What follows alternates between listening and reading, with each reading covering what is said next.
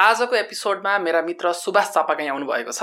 सुभाष अहिले भाइरोलोजीको अध्ययन गर्दै हुनुहुन्छ उहाँ अहिले पिएचडी गर्ने क्रममा हुनुहुन्छ र पोडकास्टको आजको यो कन्भर्सेसनमा हामीले साइन्सको ओभरअल कन्भर्सेसन्सहरू विभिन्न टपिक्सहरूको बारेमा फ्याक्ट बेस कन्भर्सेसन गर्न प्रयास गरेका छौँ भने बायोलोजीको बारेमा अझ भन्नुपर्दाखेरि Darwin's theory of evolution by natural सिलेक्सनको बारेमा एक्सटेन्सिभ कन्भर्सेसन भएको छ र अरू विभिन्न यस्तै प्रकारका समसामयिक विषयहरूको बारेमा पनि हामीले अनेस्ट कन्भर्सेसन गर्ने प्रयास गरेका छौँ। र अबको पोडकास्ट दुई घन्टाभन्दा लामो रहेको छ। र I hope you like this podcast र केही कुरा यसमा इम्प्रुभ गर्नुपर्ने कुराहरू केही भए तपाईँहरूले हामीलाई चाहिँ तपाईँहरूको एकदम कन्स्ट्रक्टिभ क्रिटिसिजम प्रोभाइड गर्नु भएमा हामी एकदमै आभार हुने थियौँ र thank you so much for supporting us and enjoy साइन्सबाटै start गरौँ होइन। लाइक साइन्स भनेको के हो र यो हाम्रो लागि किन इम्पोर्टेन्ट छ यसको बारेमा तपाईँको ओभरअल पर्सपेक्टिभबाट स्टार्ट गरौँ न। मलाई लाग्ने चाहिँ साइन्स भनेको चाहिँ एउटा फिल्ड एउटा सब्जेक्ट भन्दा पनि एउटा चाहिँ प्रोसेस हो नेचर प्रकृतिमा के हुन्छ? प्रकृतिमा भएका विभिन्न प्रोसेस फेनोमेननहरू भनौँ प्रकृतिमा जे कुरा चाहिँ घट्छ त्यो घटेका कुराहरू चाहिँ कसरी घट्छ भनेर त्यो हाउ डज इट ह्यापन? भनेर चाहिँ सूक्ष्म रूपमा डिटेलमा चाहिँ सकेसम्म जसरी सक घट्छ त्यही इन्फर्मेसन सकेसम्म चाहिँ लिउँ भन्ने एउटा पद्धति लिनको लागि एउटा डेभलप एउटा पद्धति हो प्रोसेस हो भनौँ न। त्यो हो जस्तो लाग्छ मलाई मेरो विचारमा साइन्स चाहिँ। अब त्यस्तो हामी ट्रुथ बुझ्न सक्छौँ नेचरमा भएका कुराहरू हामीले पनि अध्ययन गर्न सक्छौँ भनेर क्लेम गर्ने अरू पनि पद्धति छन् जस्तो लाग्छ। होइन ती पद्धतिभन्दा साइन्स किन डिफ्रेन्ट छ? अब पक्कै पनि अरू पनि छन्। अब अरू पद्धतिहरू भनेको पनि इन अ वे अब सबैले अब साइन्सले पनि हन्ड्रेड पर्सेन्ट एब्सोल्युट ट्रुथ नै भेट्टाउँछ भनेर त्यो साइन्सले कहिले क्लेम पनि गर्दैन। तर हामीले चाहिँ के हुन्छ त science why do we by किन चाहिँ यो चाहिँ अलिक बढी भ्यालिड छ त? अरू प्रोसेसहरू भन्दाखेरि चाहिँ साइन्समा चाहिँ एउटा फल्सिफिकेसन क्वेसनिङ होइन?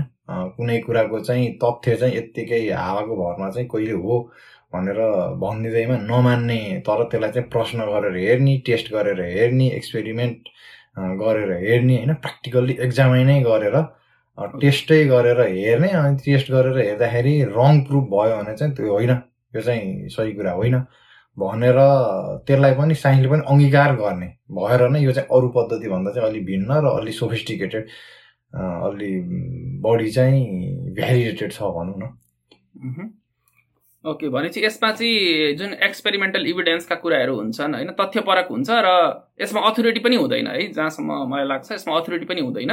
किन भन्दाखेरि कुनै पनि कुरा गलत छ भने त्यसलाई खण्डन गरिन्छ र त्यस्ता कुराहरूलाई एकदम वेलकमिङ तरिकाले लिइन्छ जुन अरू फिल्डमा त्यसरी लिइँदैन होइन? मेन मेन डिस्ट्रिक्ट त्यो डिफ्रेन्सिएटिङ यो फिचर नै त्यो जस्तो लाग्छ है। साइन्सले चाहिँ म रङ छु कुनै साइन्टिफिक मान्छेले अथवा कोहीले चाहिँ रिसर्च गर्दैछ एक्सपेरिमेन्ट गर्दैछ भने मैले एउटा कन्क्लुजन अहिले निकालेको छु एउटा निष्कर्ष। तर चाहिँ भरे पछि आएर चाहिँ अरू कसैले होइन त्यहाँ तैँले गरेको कुरा चाहिँ यसरी यसरी रङ रहेछ र मैले त्यही एक्सपेरिमेन्ट गरेर हेर्दाखेरि यस्तो देखियो भनेपछि त्यो निष्कर्षका आधारमा चाहिँ मलाई कसैले गलत प्रमाणित गर्यो भने चाहिँ मैले सहर्ष स्वीकार्छु कि। अनि त्यो साइन्सको सबभन्दा ब्युटी त सुन्दरता नै त्यही हो जस्तो लाग्छ।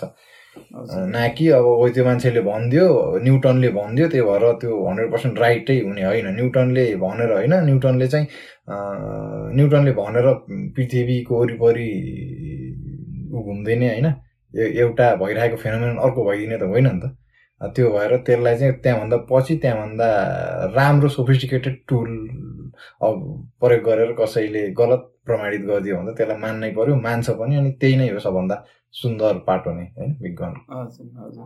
त्यही त जस्तो इक्जाम्पल दिनु पर्दाखेरि भनौँ न साइन्समा चाहिँ अथोरिटीलाई किन मानिँदैन भन्ने कुरा चाहिँ के छ भन्दाखेरि जस्तो अब नोबेल प्राइज विनर साइन्टिस्ट भनेको त एकदमै सेलिब्रेटेड साइन्टिस्ट हो नि त होइन? ठुलो एचिभमेन्ट पाएको साइन्टिस्ट हो नि त। इक्जाम्पल दिने हो भने लिनस पाउलिङ भन्ने साइन्टिस्टले चाहिँ नोबेल प्राइज जित्या हो। एकदम रेपुटेड साइन्टिस्ट हो पपुलर साइन्टिस्ट हो रेस्पेक्टेड साइन्टिस्ट हो।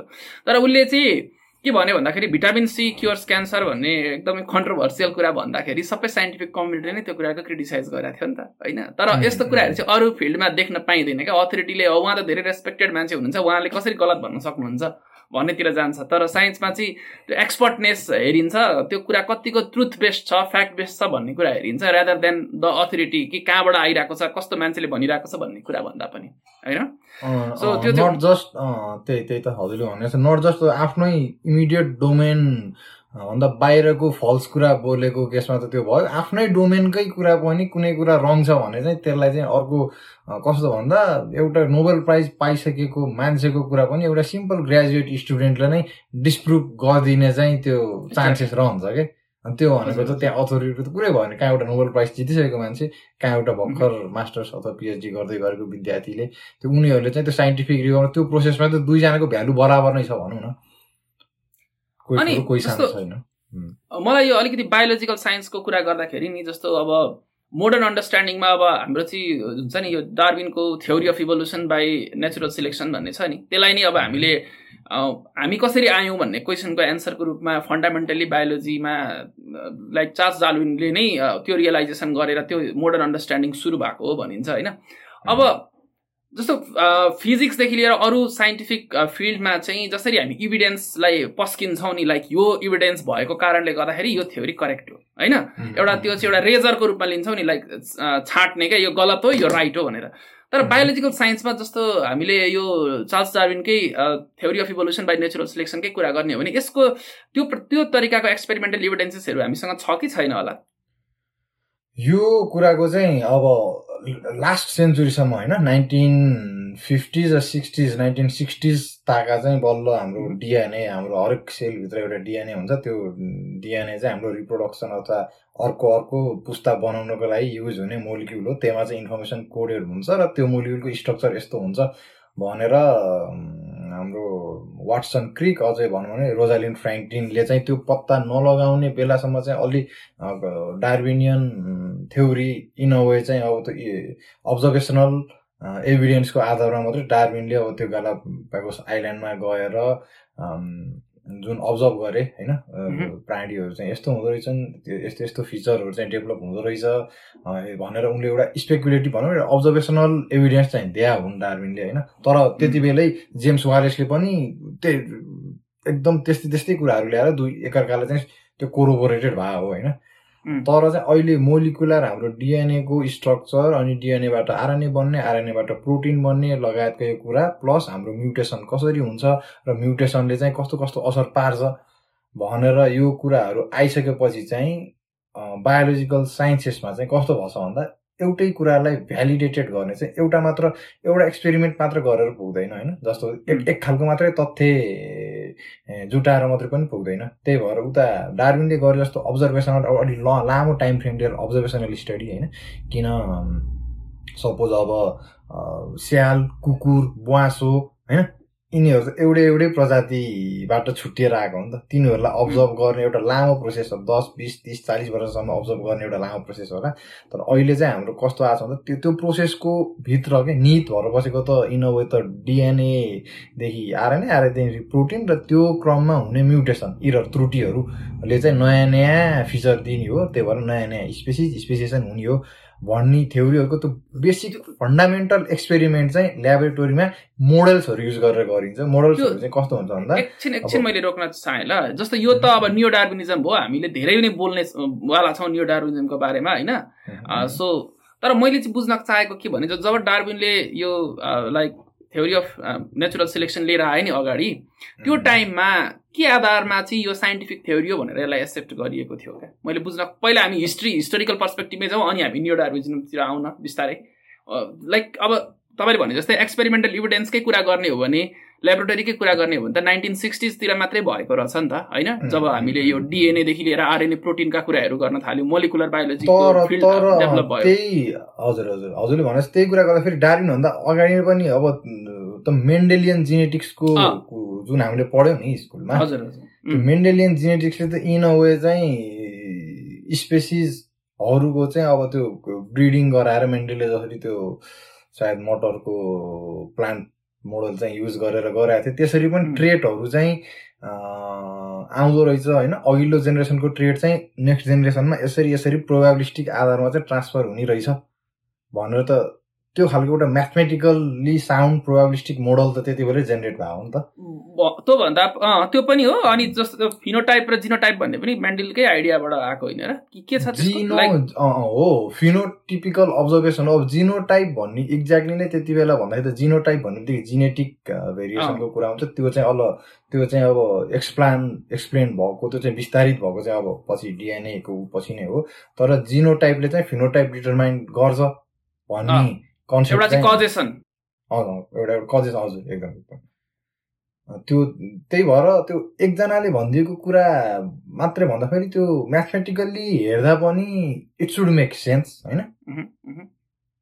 त्यो मोडलले चाहिँ इट सुड मेक एकदम सेन्स प्लस अनि अब लार्ज स्केलको अब्जर्भेसन पनि अब्जर्भेसनल स्टडी हो भन्दैमा नहुने पनि हुँदैन जस्तै डार्बिनले चाहिँ लामो समयसम्म लाएर होइन?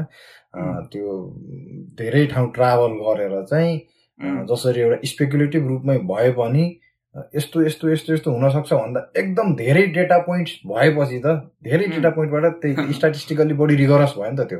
भयो नि त अब्जर्भेसन मात्रै हो भने पनि धेरै वटा अब्जर्भेसन लिँदा लिँदा सेम सिमिलर प्याटर्न देखियो भने त इट मेक्स सम सेन्स होइन? It's closer to what happens in nature भनेर त्यसरी एक्सेप्ट गरेको प्लस अब अहिले आएर त हाम्रो मोडर्न मोलिकुलर बायोलोजीमा हामीले डे टु डे गर्ने ल्याबोरेटरी एक्सपेरिमेन्ट ब्याक्टेरिया भाइरसहरूमा एक्सपेरिमेन्ट गर्दा गर्दा नै एकदमै त मजाले प्रुभ भइसक्यो। प्लस अर्को एउटा मेन डार्बिनियन थ्योरी अफ इभोल्युसनलाई प्रुभ गर्ने पोइन्ट भनेको चाहिँ हाम्रो आर्कियोलोजी र प्यालेन्टियो बायोलोजी हुन्छ नि। हाम्रो फोसिल्सहरूको अध्ययन। त्यसले हो क्या त्यो हाम्रो मोडर्न मोडर्न बायोलोजिकल टेक्निक्स चाहिँ डेभलप नहुने नभइसकेको अवस्थामा पनि हामीसँग फोसिलको रेकर्डहरू हेर्ने त्यो सिस्टम त बसिसकेको थियो नि त।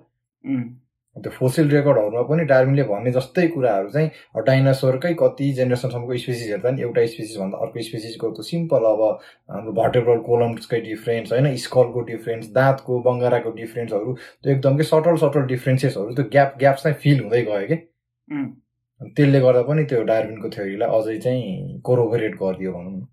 अनि अब अहिले त्यो मोडर्न सिन्थेसिस भन्छ नि होइन? अनि मोडर्न सिन्थेसिसदेखि लिएर हो। जस्तो अहिले अब मोलिकुलर बायोलोजी भयो होइन? अनि अब नियो डार्बिनिजमतिर लगेर अहिलेको कटिङ एजमा जस्तो डार्बिन्स थ्योरी अफ इभोल्युसन चाहिँ करेक्ट हो भनेर ल्याबमा चाहिँ कसरी प्रमाणित गर्न सकिन्छ भन्ने बारेमा भनिदिनुहोस् न अलिकति। अब Darwin's theory of evolution Darwinian त्यो कन्सेप्ट भनेकै केमा आधारित छ भन्दाखेरि चाहिँ अब over long period of time होइन। हाम्रो चाहिँ हरेक लिभिङ बिङ हरेक एउटा सजीव वस्तुको चाहिँ मेन फिचर भनेकै अर्को पुस्ता बनाउँछ त्यो सजीव वस्तुले। त्योमा चाहिँ एउटा कुनै मेकानिजम हुन्छ रिप्रोडक्सनको होइन। प्रजननको चाहिँ मेकानिजम हुन्छ त्यो चाहिँ युनि एउटा एउटा मात्र कोषले बनेको त्यो अर्गानिजम प्राणी हो भने पनि त्यसले चाहिँ त्यो रिप्रोडक्सन गर्छ र अर्को भाइ पुस्ता बनाउँछ। भन्ने कन्सेप्ट हो। त्यो बनाउने क्रममा चाहिँ त्रुटिहरू हुन्छन् र त्यही त्रुटि चाहिँ ऱ्यान्डम भइदिन्छन् तिनीहरूको कुनै चाहिँ त्रुटि यस्तो खालको त्रुटि उस्तो खालको त्रुटि भनेर पहिले डिटर्माइन भएको भन्दा त्यो इन अ वे चाहिँ at the end of at the core of it त त्यो फिजिकल केमिकल प्रोसेस हो नि त। होइन? अनि त्यो त्यो प्रोसेसमा चाहिँ थोरै थोरै त्रुटिहरू भएर चाहिँ नयाँ त्यो हाम्रो इन्भाइरोमेन्टसँग एड्याप्ट गर्ने जुन चाहिँ त्रुटिले गर्दा चाहिँ त्यो त्यो सजीव वस्तुलाई चाहिँ सजीव प्राणीलाई चाहिँ इमिडिएट वातावरणमा चाहिँ फाइदा मिल्यो बाँच्नको लागि। त्यही फाइदा त्यो फाइदाजनक प्राणीको सङ्ख्या चाहिँ बढी हुन्छ र उनीहरूकै त्यस्तै त्यस्तै प्रजातिहरू चाहिँ भावी पुस्तामा चाहिँ सक्सेसफुल हुँदै जान्छन् र उनीहरूको सङ्ख्या बढ्छ उनीहरूकै पुस्ता चाहिँ कन्टिन्यू हुँदै जान्छ भन्ने कन्सेप्ट हो नि त। त्यही कन्सेप्ट चाहिँ हामीले चाहिँ कस्तो हुन्छ भन्दाखेरि हामीले अब मान्छेहरूले सिम्पल भन्छ नि त खोइ बाँदरबाट मान्छे आएको भने अहिलेको जङ्गलको बाँदर मान्छे किन भएन भन्नेहरू आउँछ नि त क्वेसन। होइन? अनि त्यो भनेको त यो हाम्रो जति अर्गानिजम ठुलो भयो जति लाइफ स्प्यान ठुलो भयो त्यसमा चाहिँ त्यो म्युटेसनल इररबाट स्पेसिजै नयाँ प्रजाति नै नयाँ बन्न सक्ने चान्स भनेको त त्यसलाई त हामीलाई मिलियन्स अफ इयर लाग्छ नि त। होइन? एउटा हाम्रो मान त्यो नयाँ पुरै फङ्सन ल्याएर एउटा सानो फङ्सन फङ्सन त्यो accumulate over the time accumulate हुँदै गएर नयाँ स्पेसिसतिर जाने हो नि त। एकैचोटि आज ओभरनाइट हुने कुरा होइन। होइन? त्यो चाहिँ हाम्रो आर्कियोलोजी प्यालेन्टियो बायोलोजीले चाहिँ पत्ता लागेको कुरा भयो होइन? तर हामीले चाहिँ तर at at the core of it चाहिँ के छ भन्दाखेरि डिएनए रेप्लिकेसन छ कि? डिएनए अथवा आरएनए भनौँ न। त्यो रेप्लिकेसन भनेको एउटा डिएनएबाट अर्को डिएनए बन्ने जुन रिप्रोडक्सनको प्रोसेस छ हो त्यो प्रोसेस छ क्या एट द इन्ड इट तर बायोलोजिकल बिङ्सको चाहिँ सबभन्दा मेन ट्रेड भनेकै हरेक एउटा बायोलोजिकल बिङमा आइदर डिएनए अथवा आरएनए जे भयो नि इन्फर्मेसन कोडिङ त्यो मोलिकुल चाहिँ हुनैपर्छ होइन? त्यो त्यो फन्डामेन्टल्ली चाहिँ फन्डामेन्टल्ली डाइभर्सिटी अफ लाइफ भए पनि फन्डामेन्टल लेभलमा चाहिँ त्यो इन्फर्मेसन क्यारी गर्ने भनेको चाहिँ डिएनएले नै हुन्छ होइन? त्यही डिएनए आरएनए भनौँ न भाइरसहरूमा चाहिँ आरएनए भाइरसहरूमा आरएनए हुन्छ ओके सबै भाइरसमा होइन आरएनए भाइरस नै हुन्छ डिएनए भाइरस नै हुन्छ तर आरएनए पनि हो त्यस्तै एउटा मोलिक्युल होइन? अनि के भयो भन्दाखेरि हामीले चाहिँ ल्याबमा चाहिँ अब ल्याबमा मान्छेलाई बाँदरलाई मान्छे अथवा बबुन चिम्पान्जीलाई मान्छे बनाउँछौँ भनेर त कसरी टु मिलियनसम्म कसरी एक्सपेरिमेन्ट गरेर भन्ने त सम्भव छैन। तर के छ भन्दा एउटा ब्याक्टेरियाको मात्र अध्ययन गर्न सक्छ। ब्याक्टेरियाको चाहिँ डिएनए सानो हुन्छ। ब्याक्टेरिया चाहिँ एक घन्टा हुन्छ कि त्यसको रिप्रोडक्सन टाइम चाहिँ एक घन्टामै प्रजाति बनाइदिन सक्ने। एक दिनमै लाखौँ दस पन्ध्र बिसचोटि चाहिँ बिस जेनेरेसन एक दिनमा हेऱ्यौँ भने हामीले बिस जेनेरेसन हेर्न मिल्छ क्या। होइन? त्यो भनेको त एकदम फेसिनेटिङ कुरा हो नि त।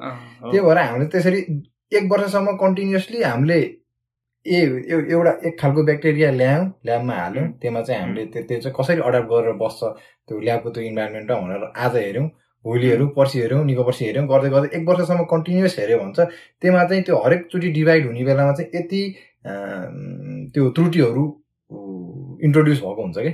इररहरू त्यसको त्यो आफै रिप्रोड्युस गर्दै गर्दा होइन? अनि त्यो भएपछि आज र आजको दिनमा त्यसमा कस्तो छ होइन? र एक वर्ष पछाडिको चाहिँ त्यसको जिन डिएनए कस्तो छ? त्यो डिफ्रेन्स हेऱ्यो भने चाहिँ अनि हामीले गर्ने भनेको चाहिँ त्यो डिफ्रेन्सलाई चाहिँ इन वे मोडलिङ गरेर मान्छेको चाहिँ यस्तो हुन्छ होला त्यसको चाहिँ त्यस्तो हुन्छ होला भनेर त्यसैलाई पनि ठ्याक्क हामीले इन्टिग्रेट गर्छौँ नि जसरी। होइन? एरिया चाहिँ जेनरलाइज पनि हो तर चाहिँ त्यो फेरि त्यो भ्यालिडेटेड पनि हुनु पर्यो। हुनु पर्यो। पार्टिकुलर इन्स्टेन्सबाट हामीले जेनरलाइजतिर गयौँ। किन भन्दाखेरि अरू अरू अरू सबै मेकानिजम पनि हाम्रो पनि फेरि सेल डिएनए कपी हुने मेकानिजम लगभग त्यस्तै हुन्छ होइन ब्याक्टेरियाको मान्छेको। त हाम्रो ब्याक्टेरिया अब अथवा जुन मोडल युज गर्छ त्योभन्दा थोरै डिफ्रेन्ट टाइपको सेल त हो मान्छेको होइन कसोहरू त थोरै युक्यारेटिक सेल हो। तर पनि बेसिक मेकानिजम चाहिँ जसरी रेप्लिकेट हुन्छ डिएनए रेप्लिकेट हुने डिएनएबाट आरएनए बन्ने आरएनएबाट प्रोटिन बन्ने र प्रोटिनले चाहिँ जब सबै हामी जसरी बोल्छौँ खान्छौँ हाम्रो हामीले जति देखिरहेको छ हाम्रो प्रोटिन मात्र देखिरहेको छौँ नि त। हाम्रो शरीर भनेको पुरो प्रोटिन प्रोटिनको एउटा मास हो होइन? त्यो भएर हामीले एज अ बायोलोजिकल बिङ चाहिँ हामीले जे जे फङ्सन गर्छौँ होइन? सबै गर्ने भनेको सबै प्रोटिनहरूले हो। अथवा ब्याक्टेरियामा पनि हुने त्यही हो। त्यही भएर त्यो बेसिक फन्डामेन्टल्स नै एकदम त्यो सिमिलर भएपछि चाहिँ त्यो एक्स्ट्रापोलेट गर्दा पनि त्यो भ्यालिडेटेड नै भयो कि? अनि त्यही त्यही कुरा युज गरेर त्यो ब्याक्टेरियामा यस्तो हुन्छ है भनेर पत्ता लागेको कुराहरू ठ्याक्कै युज गरेर नै अहिले हामी बाँचिरहेको छौँ। हामीले खान्छौँ हामीले औषधि कति खान्छौँ हामीले इन्सुलिन लिन्छौँ हामीले कति थरीको औषधि अहिले त्यो ब्याक्टेरियामा त्यो यदि त्यो रङ हुन्थ्यो भने डारुनियन इभोल्युसनको चाहिँ हाम्रो मोलिकुलर जुन भ्यालिडेसन छ नि त्यो रङ हुन्थ्यो भने त we would not be alive अब हामी अहिले बाँचिरहेकै हुन्थेन अथवा हामी बिस वर्षमा मर्थ्यौँ किन भन्दा हामीसँग औषधिको एक्सेस हुन्थेन। त्यो त्यो रङ हुन्थ्यो भने होइन हामीले खाने एन्टिबायोटिक एउटाले पनि it shouldn't make sense but it does make sense होइन एन्टिबायोटिक खाएर मान्छे बाँचिरहेछन् औषधि खाएर बाँचिरहेछन् इन्सुलिनले काम गरिरहेछ डायबिटिज निको भइरहेछ होइन? क्यान्सरको नियल थेरापीहरू आइरहेछन् नयाँ त्यही एक्ज्याक्ट त्यही प्रिन्सिपलमा बेस भएर भनेपछि इट हेज बिन भ्यालिडेटेड के अब त्यसमा त कुनै शङ्कै छैन। भनेपछि ल अब यो यसको एप्लिकेसनतिर जाउँ होइन? अहिले मेडिकल साइन्स यो बायोलोजिकल साइन्स यति धेरै इम्प्रुभ भइरहेछ होइन? तर यसमा चाहिँ लाइक यो कुरा कतिको सही हो सही होइन भन्ने कुरा? जस्तो अहिले मान्छेमा भएको फेनोमेनन पत्ता लगाउनको लागि ब्याक्टेरियालाई अध्ययन गर्नुपर्ने कारण के? लाइक त्यो त्यसरी अध्ययन गर्दाखेरि बेटर थाहा हुने भएर कि मान्छेमा अध्ययन गर्न त्यो लिमिटेसन्सहरू केही लिगल इस्युजहरू भएको कारणले इथिकल इस्युजहरू भएको कारणले त्यस्तो गरे हो कि? के छ त्यसमा चाहिँ? यस्तो छ ब्याक्टेरियामा भएको कुरा सिधै मान्छेमा हुँदैन होइन? हामीले चाहिँ अब हामीले सिम्पली बायोलोजिकल साइन्सेसमा ल हाम्रो चाहिँ एक्सवाइजेड एउटा प्रोब्लमबाट चाहिँ हाम्रो सोल्युसनमा कसरी जान्छ भन्ने एउटा लजिकल प्रोसेस छ होइन? सुरुमा चाहिँ सपोज हामीलाई कुनै एउटा औषधि सपोज होइन? कुनै एउटा हामीलाई एउटा कम्पाउन्ड चाहिँ चाहिरहेछ यस्तो कस्तो कम्पाउन्डले चाहिँ यो औषधि निको गर्छ भन्ने हामीलाई लाग्यो भने त्यो चाहिँ सिधै लगेर मान्छेमा टेस्ट गरिँदैन कि? फर्स्ट एन्ड फरमोस्ट त्यो चाहिँ ल्याबोरेटोरी टेस्टेड हुनु पऱ्यो। इनभिट्रो भन्छ। इनभिट्रो भनेको हाम्रो चाहिँ ल्याबमा के हुन्छ भन्दाखेरि मान्छेको सेल होइन? मान्छेको सेल भनेको त एउटा मसिन हो क्या यसलाई खुवाएर बचाएर राखिराख्न मिल्छ कि? मसिन हो। जसरी हाम्रो पेट्रोल हालेपछि बाइक कुदिरहेको छ होइन? हाम्रो मान्छेको सेल पनि त्यसरी त्यसलाई खुवाएर एउटा हामीलाई सैँतिस डिग्री सेल्सियस चाहिन्छ। हाम्रो सेलमा चाहिँ पाँच पर्सेन्ट कार्बन डाइअक्साइडको इन्भाइरोमेन्टमा हुनुपर्छ। होइन? त्यसै गरी अक्सिजनको कन्सन्ट्रेसन यति चाहियो न्युट्रिसन यति चाहियो न्युट्रिसन भनेको सिम्पली स्टार्च ग्लुकोज यति चाहियो अनि अरू अरू कम्पोनेन्टहरू हुन्छ कि? सेललाई चाहिँ एउटा बेसिक सेललाई चाहिँ बाँच्नको लागि चाहिने बेसिक मिनिमम रिक्वायर्ड न्युट्रिन्ट्सहरू के के हो? त्यो न्युट्रिन्टहरू भएको चाहिँ एउटा मिडिया मिडियम भन्छ। हामी त्यो मिडियममा सेललाई हुर्काउँछौँ। कुनै पनि ब्याक्टेरियाको लागि छुट्टै त्यो ब्याक्टेरियालाई कस्तो खालको चाहिने त्यो अनुसारको हुन्छ। मान्छेको सेललाई मान्छेलाई कस्तो चाहिने त्यो अनुसारको सेल हुन्छ। तर मान्छेको सेलहरू चाहिँ हामीले ल्याबमा अध्ययन गर्ने सेलहरू चाहिँ प्रायः जसो चाहिँ कस्तो हुन्छ त इमोटलाइज सेल लाइन हुन्छ। भन्नु खोजेको चाहिँ त्यो चाहिँ क्यान्सरस सेल लाइन्स किन भन्दा क्यान्सर सेल लाइन चाहिँ कहिले पनि त्यो त्यसको चाहिँ हुन्छ नि टर्मिनेसन हुँदैन कि। अरू सेल लाइन चाहिँ मर्न सक्ने चान्सेस बढी हुन्छ। क्यान्सर भनेको त बढा गर्ने चिज हो नि त। त्यो भएर त्यो चाहिँ कस्तो भन्दा हेन्ड्रिटा ल्याक्स भनेको नाइन्टिन नाइन्टिन्थ सेन्चुरीदेखिको एउटा हेन्ड्रिटा ल्याक्स भन्ने एउटा कुनै फिमेलको चाहिँ सर्भिकल क्यान्सरको एउटा सेल लाइन थियो होइन? सर्भिकल क्यान् उनको सर्भिकल क्यान्सर बाट निकालिएको सेलहरू चाहिँ अहिले ओल्डको वान अफ द हुन्छ नि मोस्टली युज सेल लाइन हो क्या? सेल लाइन भन्छ त्यसलाई होइन? अनि हेला सेल्स हजुरहरूलाई चाहिँ अब भ्युवर्सहरूलाई होइन हजुरहरूलाई हेर्नु मन लाग्यो भने हेला सेल्स भनेर हेर्नु अनि the life of Henrietta Lacks or something like this भनेर एउटा मुभी पनि छ होइन। The immortal life of Henrietta Lacks कि के भनेर छ होइन त्यो मुभी पनि राम्रो छ त्यो पनि हेर्नु म रिकमेन्ड गर्छु। त्यो भनेको चाहिँ ऊ बितिसकिन् कहिले होइन। तर उनको सर्भिकल क्यान्सरबाट लिएको सेल चाहिँ it is one of the most हुन्छ नि फन्डामेन्टल यति ठुलो कन्ट्रिब्युसन छ उनको त्यो क्यान्सर सेल लाइनको अहिले पनि हाम्रो ल्याबमा अहिले अहिले एक्सपेरिमेन्ट गर्दा मैले डेली युज गरेर हुन्छु हुन्छ नि सयौँ नेपालकै ल्याबमा पनि हाम्रो केउमा युज हुन्छ त्यो सेल लाइन भनेको ओल्डभरि ऊ छ क्या? त्यही सेलहरू त्यसलाई चाहिँ अब विभिन्न कमर्सियलाइज फर्ममा पनि छ अहिले नभए रिसर्चरहरू कोलाबोरेट गरेर सप्लाई गर्छ। अनि हाम्रो चाहिँ के भन्नु मेसिन हो भने नि मैले सेललाई चाहिँ हामीले फ्रिज गरेर राख्न मिल्छ कि? हामीले चाहिँ liquid nitrogen minus one eighty degree सेल्सियसमा preserve गरेर त्यो सेल टक्क राख्यौँ भने अनि निकालेर त्यसलाई फेरि सैँतिस डिग्री सेल्सियसमा चाहिँ त्यो अनुसारको ट्रिटमेन्ट दिएर इन्क्युबेटर स्पेसलाइज एउटा इक्विपमेन्ट हुन्छ। त्यो इक्विपमेन्टमा मजाले चाहिँ सेललाई खाना दिनु बाख्रा पाले जस्तै हो क्या वे सेललाई चाहिँ ल्याबमा मेन्टेन गर्नु भनेको बाख्रालाई जसरी हामीले खानै नदिए त मर्छ नि त बाख्रो पनि होइन? चराउन लानु पऱ्यो त्यस्तै हाम्रो चाहिँ ल्याबोरेटरी कन्डिसनमा एकदम असेप्टिक एकदम कन्टामिनेसन रहित तरिकाले मजाले मेन्टेन गरेर राखेपछि त्यो सेल पनि ग्रो गरिन्छ। अनि अहिले मैले जोड्न लागेको कुरा चाहिँ के भन्दाखेरि कुनै कम्पाउन्ड छ एक्सवाइजेड हाम्रो एउटा बिरुवा भेट्यो। नयाँ यो बिरुवाले चाहिँ हाम्रो क्यान्सर ट्रिट हुन्छ कि हुन्न भनेर हेर्नु पऱ्यो भने यता अहिले मैले भनेको हेला सेल लाइन्स लिएर आउनु भयो होइन हेला सेल लाइन्स लिएर आउनु भयो त्यो बिरुवाबाट चाहिँ त्यो कम्पाउन्ड आइसोलेट गर्नुभयो। त्यो कम्पाउन्ड आइसोलेट गर्नु भनेको फेरि छुट्टै एउटा फिजिकल प्रोसेस केमिकल प्रोसेस छ। त्यसको लागि सायद दुई चार वर्ष छुट्टै लाग्ला। नयाँ कम्पाउन्ड हो भने होइन? एकदम विक्रम स्पेक्ट्रोमेट्री अब क्रोमाटोग्राफीको टेक्निकहरू हुन्छ। एकदम एकदम हाई एन्ड एकदमै सोफिस्टिकेटेड टेक्निकहरू हुन्छ। त्यसको लागि स्पेसलाइज मान्छेले maybe thousands of PhD has been हुन्छ नि डेडिकेटेड अब त्यही एउटा दुइटा प्रोसेस रिफाइन गर्नुको लागि होइन? अब त्यो त्यहाँबाट चाहिँ कम्पाउन्ड आयो यताबाट हाम्रो सेल लाइन छ। सुरुमा के गरिन्छ? त्यो सेल मान्छेको सेल हो नि त। त्यही भएर बेसिक फन्डामेन्टल बेसिक लेभलमा काम गर्ने तरिका त त्यही छ नि त त्यो कम्पाउन्डले त्यो सेलमा होइन?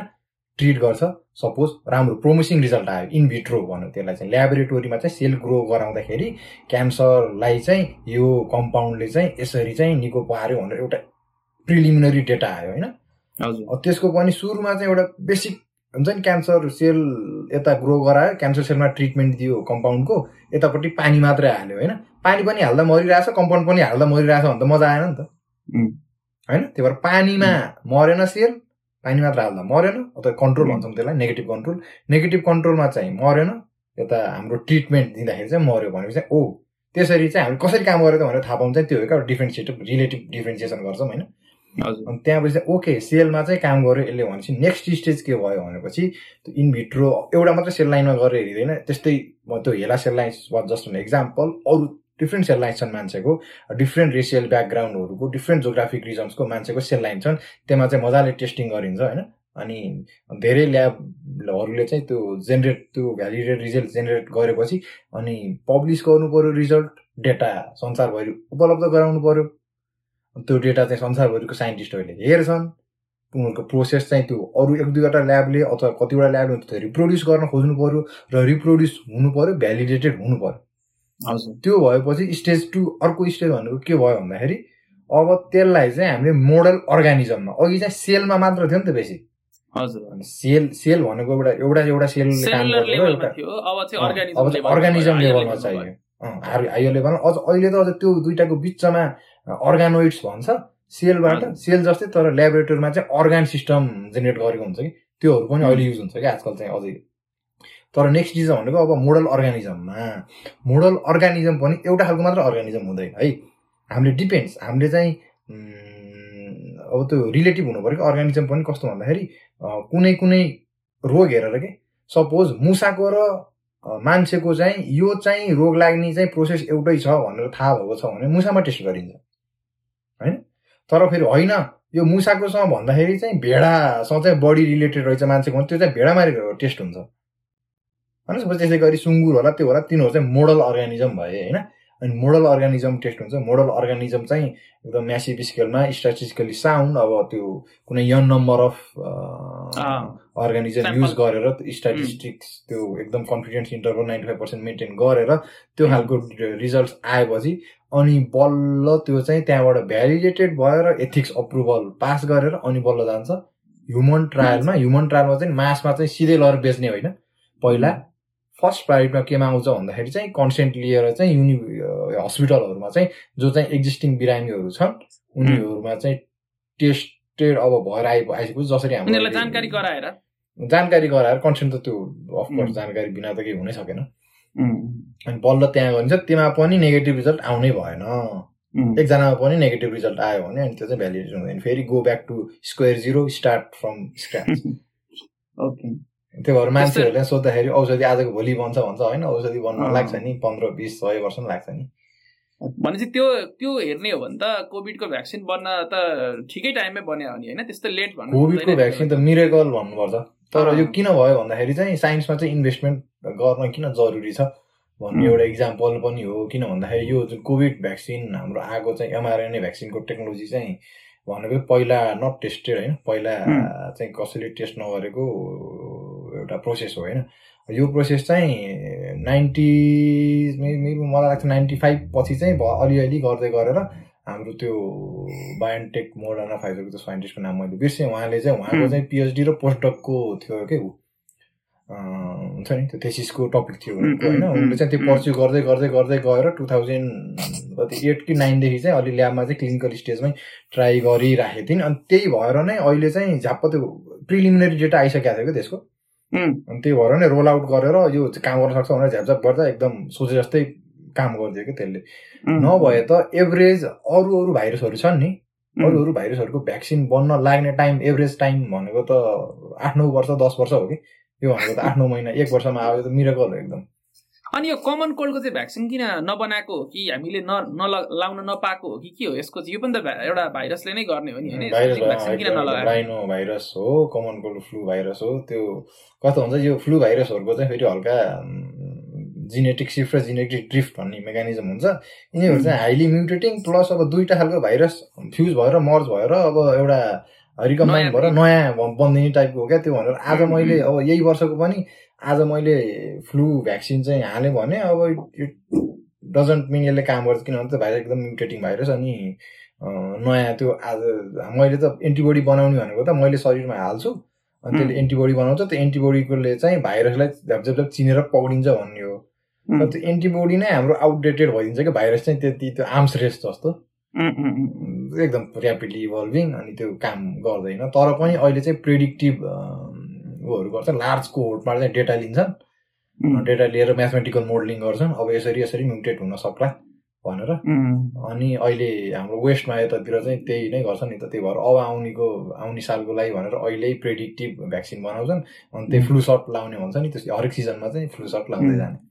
ए ओके अब जस्तो यो यो जिनेटिक जेनेटिकली मोडिफाइड अर्गानिजम भन्छ नि होइन. जस्तो अब हामी देख्छौँ यो सुपरम्यान है स्पाइडरम्यान हल कि यो विभिन्न कुराहरू आउँछ।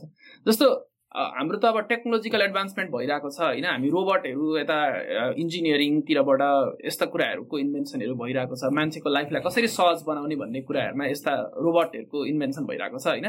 तर हामीले बायोलोजिकल साइडमा हेर्ने हो भने चाहिँ यो प्रोग्रेस के हो? यो भइरहेको हो कि हामीले थाहा नपाएको हो कि त्यो अनुपातमा त्यो प्रपोर्सनमा नभए जस्तो लाग्छ। यो किन होला अथवा के छ यसको स्टाटस यसमा अलिकति केही जाओस् न।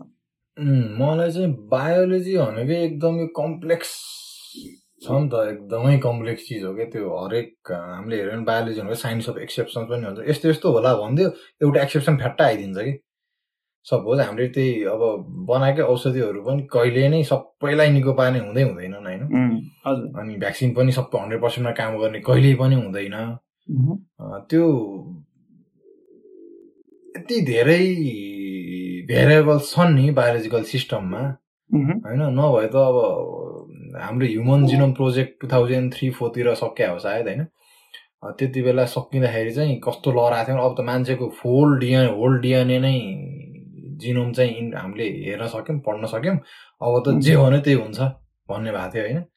तर छैन। अब त्यति बेला त क्यान्सर पनि निको हुन्छ होइन? यो पनि निको हुन्छ त्यो पनि निको हुन्छ सबैको एकदम होपफुल तर त्यो हुनै सक्दैन किन भन्दाखेरि झन् हामी त जति बढी थाहा पाउँदै गयो अझै धेरै भेराएबल रहेछन् होइन? हाम्रो ह्युमन जिन जिनमै डिएनएमै पनि कस्तो भन्दाखेरि पहिला चाहिँ भन्थ्यो DNA to RNA RNA to protein अब त्यो त्यो त्यो एउटा सिम्पल लजिक बुझेपछि अब जे पनि गर्न सकिन्छ भन्ने थियो तर अहिले चाहिँ हेर्दाखेरि त्यो डिएनएबाट आरएनए आरएनएबाट प्रोटिन नबनाउने रिजन झन् धेरै हुन्छ क्या अब almost ninety ninety five percent चाहिँ खाली पार्ट हुन्छ क्या त्यसले त्यो चाहिँ त्यसले चाहिँ स्ट्रक्चरल फङ्सन हुन्छ त्यसको सेलमा अरू खालको फङ्सन पनि हुन्छ कि? डिएनएको just not just encoding information for protein but cell integrity maintain गर्नेदेखि लिएर अरू फङ्सन पनि हुनु भएको भएर अब त्यही फङ्सनहरू पनि अब यति प्रोभाबिस्टिक उसमै हेर्दा पनि त्यो हुन्छ नि डिग्रिज अफ फ्रिडम यति धेरै छ कि? त्यही भएर सबै कुरा चाहिँ त्यो इन्फर्मेसन लिएर यो भनेर यो हुन्छ ठ्याक ठ्याक ठ्याक ठ्याक भन्ने त्यो उनै छैन। त्यो भएर एकदम इनहेरेन्टली नै इन्टेन्सिक त्यो एउटा लिमिटेसनै भन्नुपर्छ बायोलोजीको बढ्दै अब भइरहेछ रिसर्चहरू होइन? अहिले चाहिँ त्यही अब अलिक प्लेट्यु भएको हो कि जस्तो पनि लाग्छ। बायोलोजी चाहिँ है जसरी अब आइटी जसरी अब हुन त मलाई लाग्छ फिजिक्स पनि इट हेज नट हुन्छ नि प्रोग्रेस मच हुन्छ थ्योरिटिकल साइडमा चाहिँ भइरह होला अब एक्सपेरिमेन्टल फिजिक्सहरू पनि त्यति साह्रो रिसेन्ट डिकेट्स दुई तिन डिकेटमा चाहिँ अलिक स्ट्याग्नेटै भएको हो कि जस्तो लाग्छ।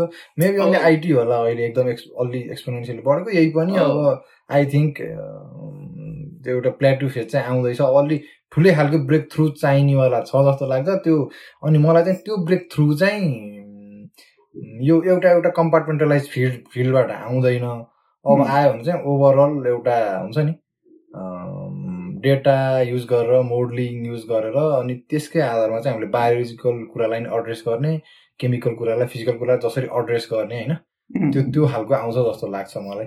जस्तो अहिले यो ह्युमन जिनोम प्रोडक्ट प्रोजेक्टको कुरा गर्दाखेरि चाहिँ मलाई ठ्याक्कै यो थ्योरी अफ एभ्रिथिङ जस्तै लाग्यो क्या। अब हाम्रो फिजिक्समा चाहिँ थ्योरी अफ एभ्रिथिङ आइसकेको छैन होइन तर धेरै प्रेडिक्सन चाहिँ अब मान्छेहरूले चाहिँ एक्सपेक्टेसन चाहिँ के छ भन्दाखेरि थ्योरी अफ एभ्रिथिङ आयो भने चाहिँ हामीलाई चाहिँ कम्प्लिट युनिभर्सको बारेमा सबै कुराहरू थाहा हुन्छ भन्ने कुराहरू छ नि त तर ठ्याक्कै त्यो ह्युमन जि जिनोम प्रोजेक्टमा चाहिँ हामीलाई अब खोइ त सबै कुरा थाहा भयो होइन। तर पनि त स्टिल अझै धेरै न नचाहिने मतलब नजानेका कुराहरू रहेछन् न्यू अन्डरस्ट्यान्डिङहरू रहेछन् नयाँ फ्रेमवर्कहरू रहेछ फिजिक्समा पनि यस्तै हो। अब प्यारेलाल खालको जान्छ जस्तो लाग्छ क्या मलाई। सबै कोइरेन्ट अगाडि जाने भन्दा पनि प्यारेलाल खालको अन्डरस्ट्यान्डिङ यो पनि सही त्यो पनि सही त्यो पनि सही भन्ने खालको त्यस्तो अनि डिफ्रेन्ट डोमेनमा डिफ्रेन्टको कुनै एउटा थ्योरीको एप्लिकेबिलिटी छ भने अर्को डोमेनमा अर्को थ्योरीको एप्लिकेबिलिटी छ होइन?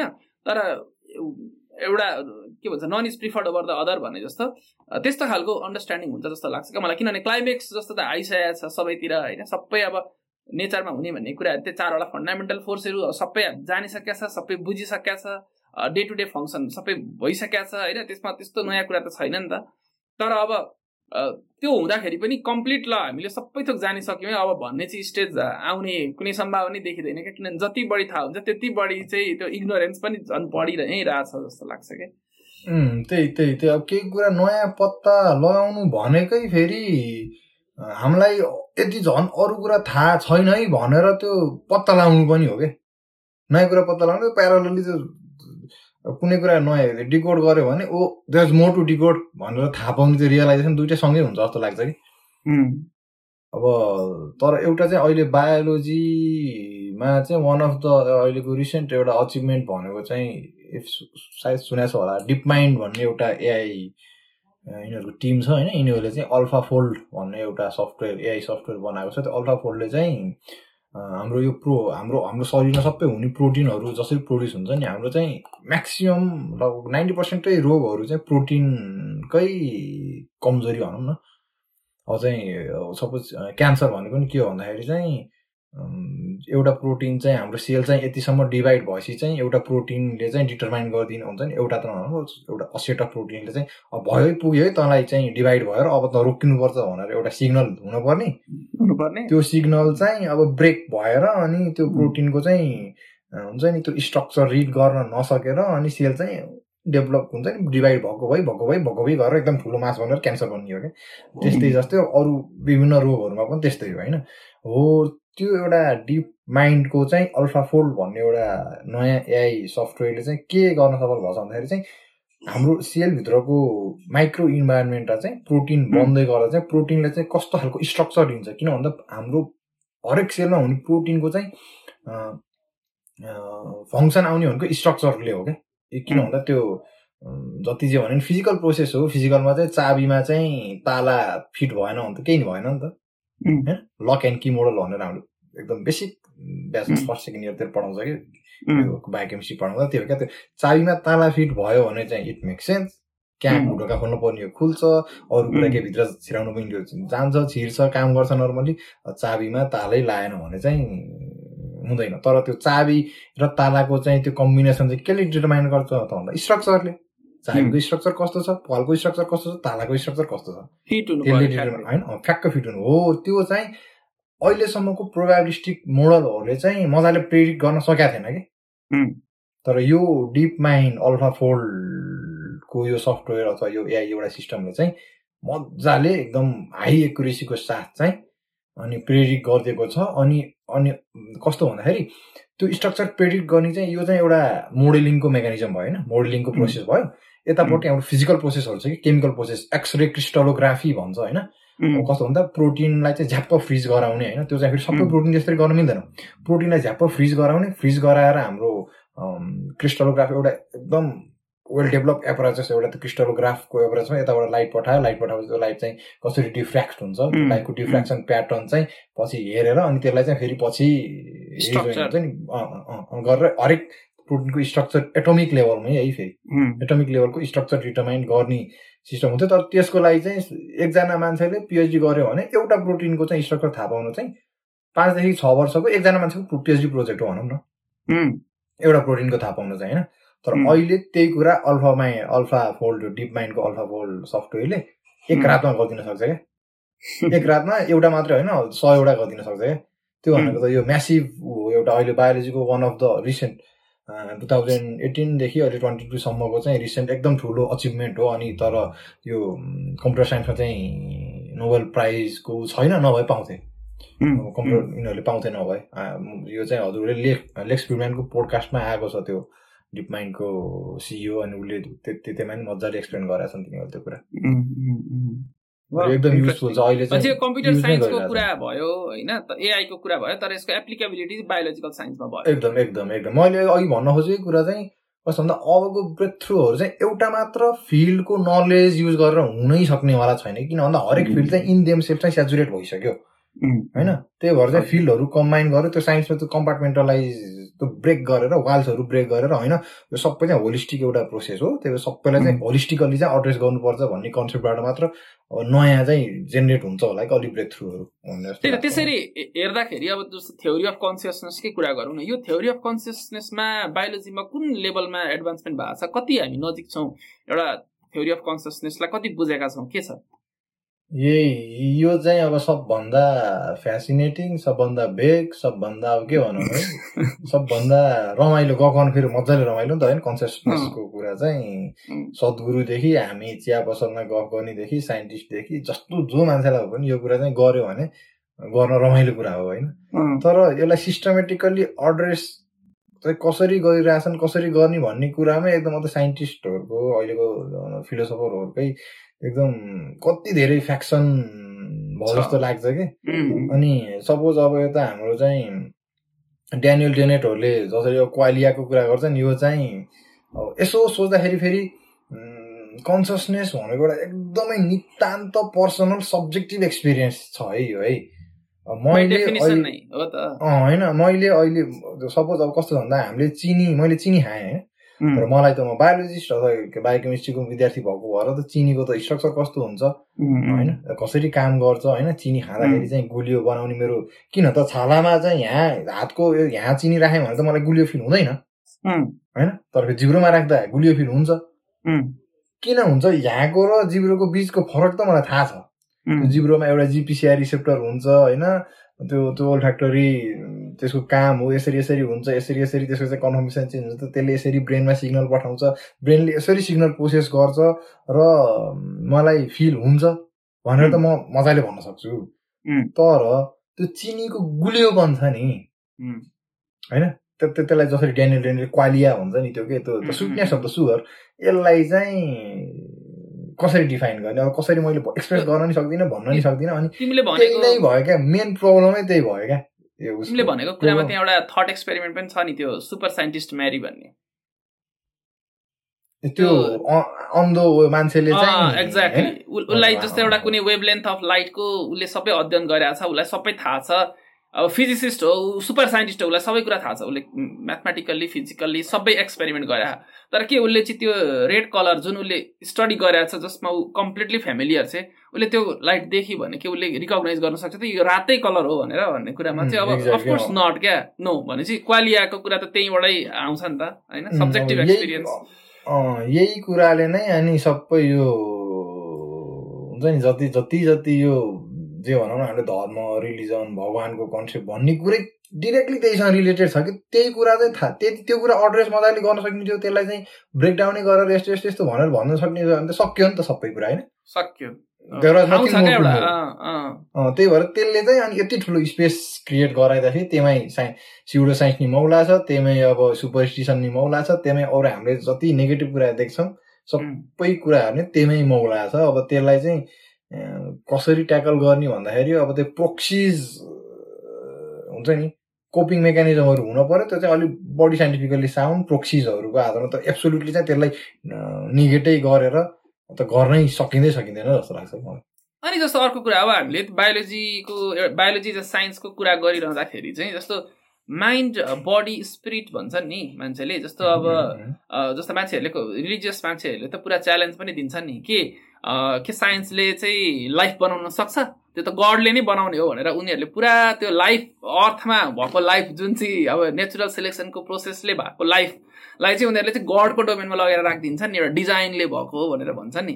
त्यो कुरालाई चाहिँ लाई कन्ट्राडिक्ट गर्न त्यो त्यो कुरालाई गलत देखाउनको लागि चाहिँ हामीसँग चाहिँ एकदम के भन्छ कन्क्लुसिभली चाहिँ यो स्पिरिट भन्ने कुरा हुँदैन अथवा हुन्छ भने पनि यो चाहिँ यस्तो कुरा हो यो चाहिँ एउटा फिजिकल यसको बेसिस छ अथवा एउटा यस्तो इभोल्युसनको बेसिस छ भनेर देखाउने अथवा यो कुरै गलत हो भन्ने केही छ basis scientific basis in biology अब त्यो स्पिरिट हो भनेर त केलाई स्पिरिट भन्ने? अब यस्तो हो कि यो मेटाफोर्स होइन?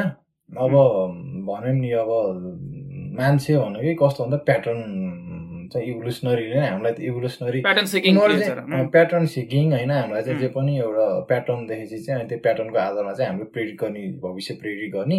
अनि त्यो प्रेडिक्ट गरेर नै हामी बाँच्न सक्ने हो। अब आकाशमा बादल हेरेर चाहिँ पानी पर्छ है भन्ने जस्तो हामीलाई लागेन भने त पानी पर्दा म बाहिर जान्छु रुच्छु म बिरामी हुन्छु मर्छु नि त। त्यो हो। तर अब कोहीले चाहिँ मैले चाहिँ सपोज मैले म पूर्व जन्ममा थिएँ मेरो यो दोस्रो जन्म हो भन्यो भने त्यसलाई हामी बाहिरको मान्छेले अब ठ्याक्क अब्जेक्टिभली निगेट गर्ने चाहिँ हामीसँग टुल्स त छैन तर फेरि। कोहीले त्यस्तो क्लेम दिन्छ भनेर त कसरी होस् भनेर कसरी हो भनेर क्लेम त्यो extraordinary claims require extraordinary अँ। इभिडेन्सेस होइन त्यो भनेपछि त त्यो जसले चाहिँ क्लेम गर्छ त्यसले चाहिँ प्रुभ गर्ने जिम्मा त उसकै हो।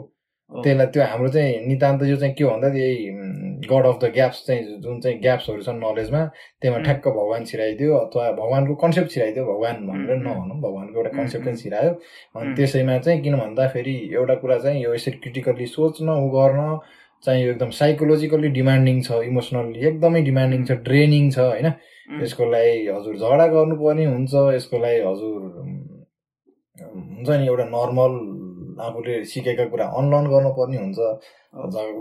त्यो मान्छेहरूसँग मिल्दैन कुरा यसको लागि फेरि त्यो धेरै अध्ययन गर्नुपर्ने हुन्छ। अध्ययन गर्न खासै मान्छेलाई कोही कोही कोही मात्र हुन्छ नि त रुचि राख्ने अब यस्तो कुराहरूमा घोत्लिएर सोच्ने। अब त्यसको लागि त्यो ट्याकल गर्न सक्ने त्यो भएन भने चाहिँ अनि एक्सेप्ट गरिदिने कोहीले म पूर्व जन्म थिएँ म यो दोस्रो जन्म हो मेरो भनिदियो भने अँ भनिदिइहाल्न मन लाग्छ नि त त्यो। त्यसलाई क्वेसन गर्न गाह्रो भयो भन् अँ भनिदिउँ भनेपछि सजिलो भयो भन्ने टाइपको हुन्छ कि एउटा चाहिँ। मैले बुझ जस्तो अब एउटा पर्सनल पर्सनल क्लेममा त साइन्सले एउटा बर्डन अफ इभिडेन्स हुन्छ त्यसलाई नेगेट गर्ने भन्ने त मैले भन्न खोजेँ होइन। मैले भन्न खोजेको चाहिँ जस्तो ओभरअल स्ट्यान्स चाहिँ के छ त बायोलोजीको चाहिँ? जस्तो यो स्पिरिट भन्ने कुरा हुन्छ कि हुँदैन? अथवा भनौँ न एउटा मरेको मान्छे छ होइन एउटा जिउँदो मान्छे र एउटा मरेको एक सेकेन्ड भएको मान्छेमा के डिफ्रेन्स छ? अब धेरै धेरै- त्यो टाइमपछि त अफकोर्स मरेको मान्छेको कुहिन थाल्छ अर्कै कुरा आयो होइन तर मैले भन्न खोजेको मरेको मान्छे र एक सेकेन्ड म मतलब मरेको एक सेकेन्ड भएको मान्छेको उसमा के डिफ्रेन्स छ? मेन फन्डामेन्टल डिफरेन्स त the second you die you stop रिस्पायरिङ भनेको चाहिँ हाम्रो अक्सिजन लिएर चाहिँ कार्बन डाइअक्साइड फ्याँक्ने अथवा त्यो इनर्जी जेनेरेसनको सिस्टम चाहिँ अब छैन त्यो होमियोस्टासिस भन्छ होइन। अँ, त्यो होमियोस्टासिस चाहिँ ब्रेकडाउन भयो होइन। तर यो चाहिँ यो चाहिँ डिरेक्टली फिजिकल कन्सेप्टसँग चाहिँ कसरी रिलेटेड छ भन्दाखेरि चाहिँ सेल लिभिङ अर्गानिजम भनेको चाहिँ इमिडिएट एउटा मसिन हो होइन. इट्स इन्क्लोज एउटा क्लोज सिस्टमको मसिन हो जो चाहिँ आफ्नो इमिडिएट इन्भाइरोमेन्टमा चाहिँ सकेसम्म त्यो मसिनभित्रको सिस्टमको चाहिँ एन्ट्रोपी चाहिँ मिनिमम पोसिबल स्टेटमा चाहिँ बस्न खोज्ने एउटा सिस्टम हो। The second I die the moment I die मेरो चाहिँ एन्ट्रोपिक चाहिँ अब बढ्यो। ऱ्यान्डमनेस चाहिँ अब it becomes more and more and more and more and more random मेरो चाहिँ एन्ट्रोपी चाहिँ मिनिमाइज गर्न खोज्ने त्यो मेरो मेकानिजमहरू चाहिँ फेल भयो भन्ने मैले चाहिँ त्यसरी बुझ्छु कि। उम्. अथवा मलाई बडीले गर्ने फिजियोलोजिकल प्रोसेस नभएपछि इन्ट्रोपी। बाई नेचर बढेर जान्छ हाम्रो एउटा लिभिङ। बडीले चाहिँ इन्ट्रोपीलाई चाहिँ स्टेबिलाइज गर्ने बढ्न नदिने गर्छ. त्यो चाहिँ हाम्रो बडीको फिजियोलोजिकल प्रोसेसको एडमा होइन त त्यसलाई चाहिँ होमियोस्टासिस भन्छ अब बायोलोजिकल टर्ममा होमियोस्टासिस चाहिँ breakdown the moment I die homeostasis is not there अब त्यो हामीले चाहिँ एउटा होम र स्टासिस भनेको एउटा घरलाई चाहिँ स्टाटस कोमा राखिराख्ने त्यही यथावत स्थितिमा राखिराख्ने त्यो मेकानिजम थियो त्यो छैन अब मर्ने बित्तिकै छैन त्यो एउटा अब त्यो स्पिरिटहरू हुन्छ त्यो भन्ने त अब बायोलोजीले अथवा जुन बायोलोजिकल साइन्सले चाहिँ त्यो मान्दै मान्दैन स्पिरिट चाहिँ अब छ भने कहाँ छ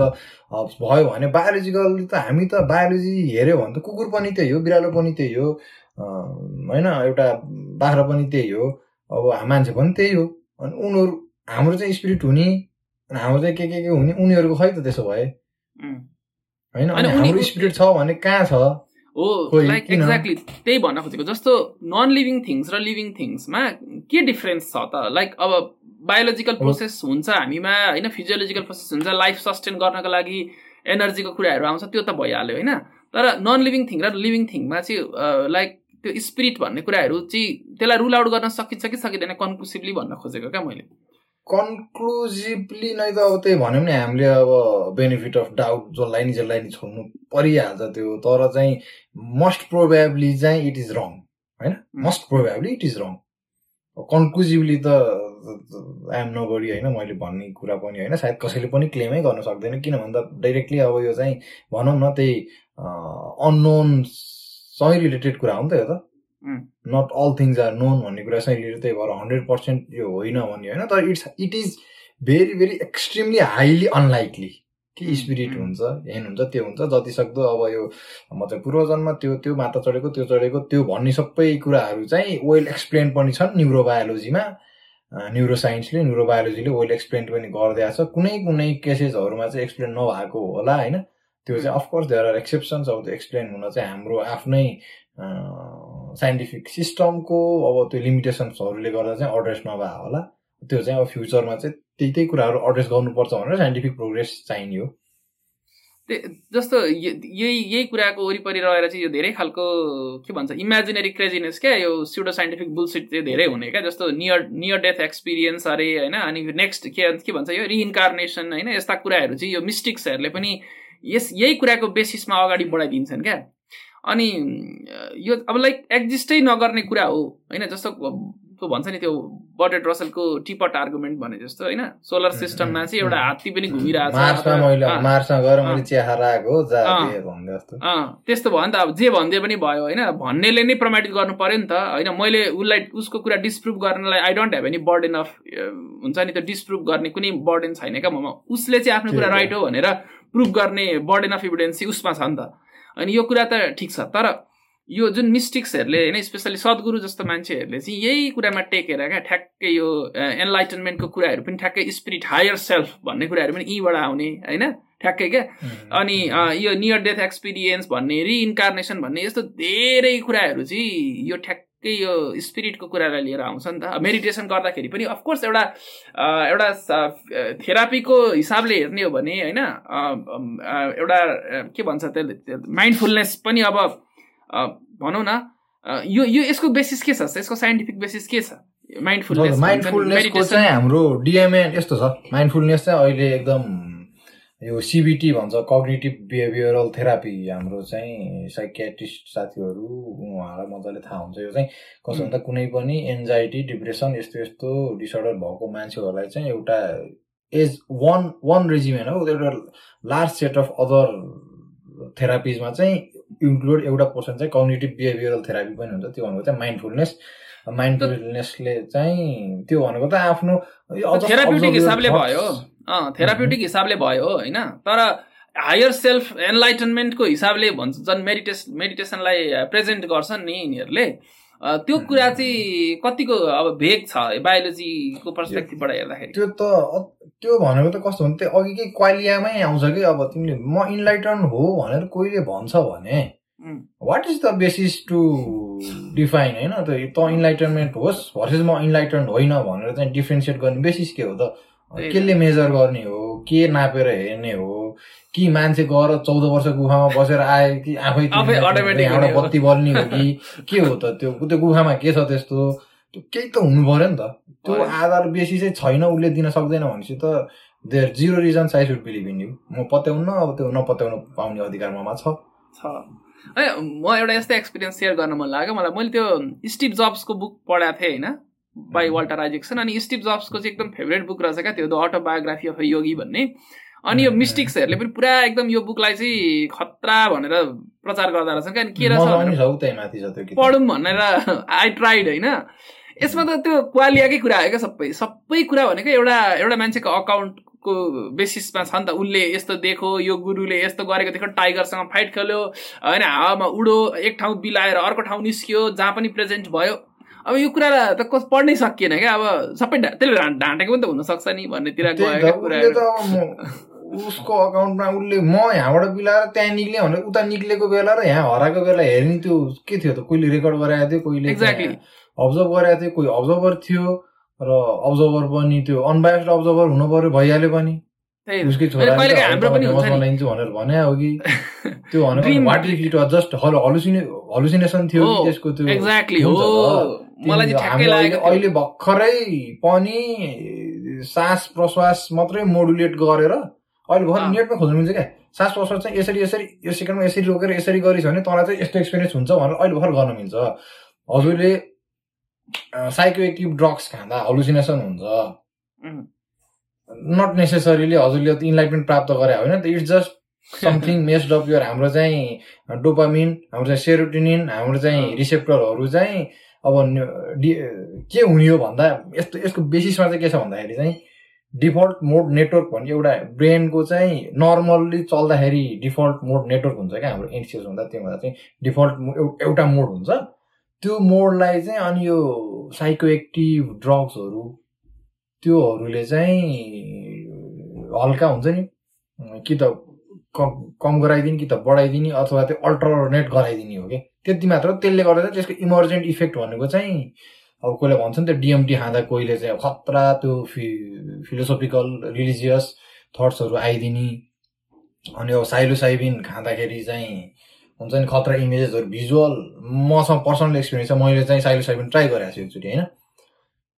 अब त्यो म्याजिक मसरुम भन्छन् मान्छेहरूले नर्मली भन्दा त्यो खाँदा चाहिँ मलाई चाहिँ बादलको त्यो प्याटर्नमा चाहिँ त्यो हुन्छ नि आर्ट एकदम के एकदम त्यो भिभिड एकदम क्लियरली त्यो हुन्छ नि एकदम खतरा आर्टिस्टिकहरू देख्छु क्या मैले त्यहाँ अब त्यो त त्यो बादल आर्ट भयो त होइन त्यो त मैले देखाएको हो नि त। अनि त्यसको आधारमा चाहिँ होइन त्यो बादललाई आर्ट हो होइन साइले साबिनले चाहिँ त्यो बादललाई आर्ट बनाइदियो भनेर त मैले भन्न मिलेन नि त। त्यो त्यसको इफेक्टले गर्दा मैले त्यस्तो देखाएको भनेर डिफाइन गर्न त्यस त्यसरी बुझ्नु पऱ्यो नि त। न कि मैले गर्दा चाहिँ ओल्डको त्यो फिजिकल फेनोमेना नै चेन्ज भएको छ अथवा त्यो प्रोसेसले गर्दा फिजिकल फेनोमेना चेन्ज भएको त होइन नि त। मेरो आफ्नो एक्सपिरियन्स चाहिँ त्यस्तो भयो होला भनेर चाहिँ त्यो it was just limited to me भनेर मान्छेले त्यो अनुसार लिएर त्यो अनुसार भन्यो भने एउटा सन्देश जान्छ क्या अरे अब होइन आँटी यस्तै हुन्छ त्यही भएर चाहिँ म इन्लाइटेन्ड भएँ। भन्यो भने इट कम्प्लिटली अब गोज टु त हुन्छ नि त्यही अब अब सिउडो साइन्स भनौँ कि अब त्यो एउटा लेस भ्यालिडेटेड त्यो इट्स जस्ट त्यो रिटोरिक भयो क्या एउटा जस्ट कथा जस्ट एनदर स्टोरी हो क्या। खासमा यो सब कुराहरू यो कसैले इन्लाइटमेन्ट प्राप्त गर्यो त्यो गर्यो गर्यो होला उसले पर्सनल्ली चाहिँ उसलाई मजा आयो होला होइन। उसको चाहिँ उसको चाहिँ एकदम फिलिङ्स होइन। उसको चाहिँ मेन्टल हेल्थ पनि साउन्ड भयो होला त्यहाँपछि अथवा उसलाई जे प्रब्लम थियो सल्भ भयो होला तर it if it can not be reproduced होइन। त्यो कुरा तैँले गरेको कुरा ठ्याक्क मैले पनि गर्छु त्यही कुरा हुन्छ त भन्ने आधार के त? जस्तो अब अहिले त अब जुन यो न्यू एथिजमको प्रभावले पनि होला होइन साइन्टिफिक कम्युनिटीमा पनि कन्फ्रन्टेसनको छ नि त कुरा जमाना होइन जस्तो हामी एउटा ट्रुथको पर्स्युमा पर्स्युटमा छौँ होइन अनि मान्छेहरू नबुझेका मान्छेहरूले चाहिँ मान्छेलाई चाहिँ मान्छेको विकनेसलाई मान्छेको इग्नोरेन्सलाई एक्सप्लोइड गरेर चाहिँ होइन आफ यो स्क्याम्स चलाउने विभिन्न कुराहरू छन् होइन सो हाम्रो पनि त एउटा रेस्पोन्सिबिलिटी छ नि त ह्युमेनिटीलाई होइन? किनभने अल्टिमेटली हामीले जानेको कुरा बुझेको कुराले ह्युमेनिटीलाई राम्रो गर्न सक्दैन भने वाट्स द पोइन्ट क्या के कुराले चाहिँ म्याटर गर्ने हो त? केहीले पनि त म्याटर गरेन नि त होइन? अल्टिमेट भनेको त ह्युमेनिटीलाई फाइदा गर्नु पऱ्यो नि त त्यो कुराले होइन? सो अब साइन्टिफिक कम्युनिटीले जस्तो अब ल कोही रिलिजियस मान्छेले आएर अथवा कोही एउटा सिउडो साइन्टिफिक एउटा हुन्छ नि मान्छेले आएर चाहिँ जेपाते कुरा भनेर मान्छेलाई this is not my domain यसले जेसुकै गरोस् मलाई मतलब भएन म चाहिँ मेरो रिसर्च गर्छु भनेर मात्रै पनि भएन नि त किनभने हामी पनि अकाउन्टेबल हुनु पर्यो हाम्रो फिल्डमा होइन ह्युमेनिटीमा सो हामीले त हाम्रो के छ हाम्रो यो एउटा रेस्पोन्सिबिलिटी छ नि कतिको छ? रेस् एज एउटा सोसाइटीप्रति होइन एउटा साइन्टिफिक कम्युनिटीप्रति ह्युमेनिटीप्रति यो कुराहरूलाई कन्फ्रन्ट गर्ने यो कुरा गलत हो भन्ने अनि मान्छेलाई बुझाउने हामीसँग कतिको रेस्पोन्सिबिलिटी छ र कि हामीले चाहिँ should just mind our own business के छ यसमा चाहिँ? वाट डु थिङ्क यसको फेरि दुईवटा साइड अथवा हुन्छ नि यो चाहिँ अब कस्तो भन्दाखेरि अफकोर्स होइन सबैको पर्सनल चोइसेस हुन्छ होइन पर्सनल लाइफ पर्सनल के हुन्छ नट नेसेसरीली अब सबैले चाहिँ साइन्टिफिक कम्युनिकेटर बन्नै पर्छ त्यो भन्ने पनि भएन। अब सपोज कोहीले होइन म त नाइन टु फाइभ गरिदिने हो एउटा काम हो यो भनेर त्यसरी लिन पनि पायो उसले। तर मलाई चाहिँ यदि if you really care about it होइन त्यो प्रोसेसको लागि चाहिँ एकदमै if you really care about it and if you think it is you are त्यति हो भने त तिमीले चाहिँ पाँच बजे चाहिँ तिम्रो एउटा आउटलुक टुवार्ड्स लाइफ पाँच बजी सकेपछि नाइन टु फाइभ चाहिँ एउटा आउटलुक टुवर्ड्स लाइफ हुँदैन त्यस्तो डुवालिजम लिएर त को एटलिस्ट म चाहिँ सक्दिनँ। यो चाहिँ कम्प्लिट हुनु पर्यो क्या त्यो इन्टेग्रिटी त्यो इन्टेलेक्चुअल त्यो इन्टेग्रिटी हुन पर्यो त्यो एउटा अनेस्टी क्या त्यो ह्युमिलिटी एउटा होइन। मैले नाइन टु फाइभ गर्ने काम चाहिँ मैले यो यो बेसिक फन्डामेन्टल फर्स्ट प्रिन्सिपल्स लाएर गर्छु भने पाँच बजेमा त्यो फर्स्ट प्रिन्सिपल्स चेन्ज हुने त होइन। त्यो भनेपछि घरमा आएर पनि त्यस्तै तरिकाले किन हेर्न नसक्ने अथवा नट टु मिन द्याट अब रिलिजन फलो गर्ने मान्छे पूजा गर्ने मान्छे त्यो मान्छे त्यो मान्छे सबले गर्न पायो होइन? नट टु मिन तिनीहरू चाहिँ दे आर लेसर ह्युमन्स त्यसमा कुनै प्रब्लम पनि छैन जस्तो लाग्छ कि प्रब्लम छैन जस्ट इन्जोय यर सेल्फ होइन? Whatever you find do it होइन? इन्जोय गर। तर एटलिस्ट हरिहर अधिकारीले आएर नाजा त्यहाँ ओम भनेको ब्रह्माण्डको साउन्ड हो भनिदिएको चाहिँ नपत्याइदेऊ न त प्लिज युआर साइन्टिस्ट होइन?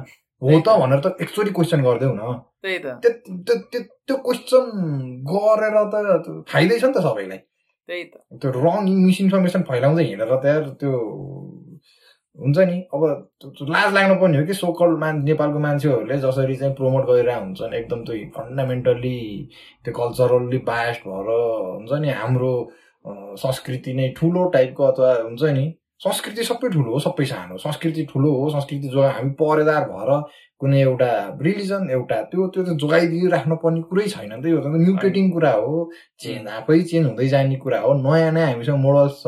मान्छेको तिमी सक्छौ भने सफरिङ घटाइदेऊ होइन? मान्छेलाई हेल्प गर। मान्छेलाई नयाँ इन्फर्मेसन देऊ राम्रो रिफाइन्ड इन्फर्मेसन देऊ। त्यही हो नि त गर्ने त। होइन त्यो अब होइन म चाहिँ अब नाइन टु फाइभ मेरो काम हो काम गर्छु पैसा आइरहेको छ भने खाना पुग्छ। खान्छु भने पायो त्यो पनि पायो बट देन त्यसरी चाहिँ यदि वाट इफ सयजनामा सयजनै मान्छेले त्यो गर्दै भयो त प्रोग्रेसै हुँदैन नि त। अनअर्थोडक्स आउटकास्ट अथवा त्यो हेरेटिक्सहरू त चाहिन्छ क्या। त्यो जति मासमा चाहिँ जति त्यो हेरेटिक्सहरूको चाहिँ हेरिटिक्स किन फेरि पोजिटिभ सेन्स होइन गएर त्यो फोड्ने भत्काउने होइन कि? तर हेरिटी त्यो इन्टेलेक्चुअल हेरेसी चाहिँ भएको मान्छेहरू चाहिँ जति बढी भयो त्यति चाँडो चाँडो चाहिँ ह्युमेनिटीले प्रोग्रेस गर्ने हो जस्तो लाग्छ। अनि जस्तो यो दिपक चोपडा छ होइन तिमी पनि चिन्छौ होला। दिपक चोपडाले चाहिँ पुरा यो के भन्छ? क्वान्टम कन्सियसनेस भन्छ नि है। अब मान्छेलाई मूर्ख बनाइरहेछ बेचिरहेछ कोर्सहरू होइन? पैसा कमाइरहेछ अनि फेरि अचम्मको कुरा चाहिँ के हो भने धेरै मान्छेलाई त्यो कुराले राम्रो पनि गरिरहेछ क्या फेरि। अब उनीहरू डेलुजनमा हुन सक्छन् डेलुजनमा हुन सक्छन् त्यो आफ्नो ठाउँमा छ फेरि होइन? तर पनि उसले गलतै कुरा भए पनि त त्यो कुराले उसलाई हेल्प गर्यो नि त होइन? जे जेसुकै होस्। त्यो कुरालाई कसरी कसरी लिने क्या हामीले? अब होइन जस्तो सद्गुरुले बुलसिट कुराहरू गर्छ मान्छेलाई वा विस्डम लाग्छ नि त होइन? तर वास्तवमा भने सद्गुरुले भनेको कुरा भनेको क्लास एटको बच्चा बच्चीलाई भन्ने खालको कुराहरू हो नि त त्यो भनेको होइन? बेसिक कुरा हो क्या? कमन बेसिक कुरा।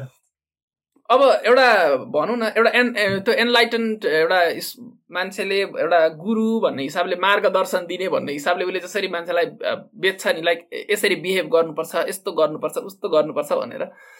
त्यो एकदमै अब वायात कुरा हो नि तर मान्छेले चाहिँ अब हामी हाइएस्ट लेभलको इन्टेलिजेन्स विस्डमको कुरा गर्छौँ होइन त्यसको पर्सुटमा हामी हिँड्न खोज्छौँ। तर एउटा कमन मान्छेले वर्ल्डको एउटा कमन मान्छेलाई हेर्ने हो भने एउटा सामान्यभन्दा सामान्य कुरा क्या सद्गुरुले गर्ने क्लास फाइभ सिक्स एट लेभलको कुरा पनि त्यत्तिको पनि विस्टम मान्छेले एफोर्ड गर्न सकिरहेको छैनन् नि त।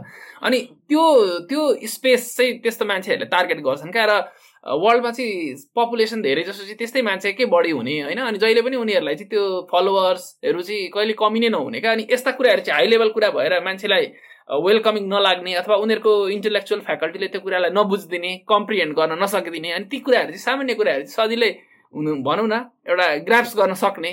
भएको कारणले पनि यो प्रब्लम भएको हो जस्तो लाग्छ क्या मलाई नि। एकदमै त्यो तिमीले भने जस्तै त्यही क्या त्यो मान्छेहरूले चाहिँ अघि मैले भने नि अफोर्ड एउटा कुनै ट्रुथ अथवा अथवा कुनै पनि एउटा थट एउटा क्वेसनलाई ट्याकल गर्न चाहिँ कति टाइम एनर्जी अथवा त्यो हुन्छ नि आफूले कति इन्भेस्ट गर्ने भन्ने चाहिँ त्यो अफोर्ड गर्नै गाह्रो छ क्या मान्छेहरूलाई। अनि अहिले त झन् कस्तो भइदियो भन्दा अटेन्सन स्प्यान होइन त अब हाम्रो सबै सोसियल मिडिया यताउतिले गर्दा अटेन्सन स्प्यानै हाम्रो पन्ध्र सेकेन्डको भइसक्यो। पन्ध्र सेकेन्डभन्दा सोह्र सेकेन्ड कुनै एउटा कुरा लम्बियो भने त्यो हामीले कोहेरेन्टली कुरै गर्न नसक्ने भइसक्यौँ होइन। त्यो हुँदाखेरि चाहिँ पन्ध्र सेकेन्डमा चाहिँ अब सुन्दाखेरि फ्यान्सी वर्ड सलाद भन्छ नि। सुन्दाखेरि एकदम बिग सिट लाग्ने कुराहरू एकदमै क्वान्टम डाइमेन्सन कन्सियसनेसवाला त्यो एउटै सेन्टेन्समा त्यो तिन चारवटा फ्रेज आएपछि चाहिँ दिस इज प्रोफाउन्ड सिट वा क्या खतरा भन्यो।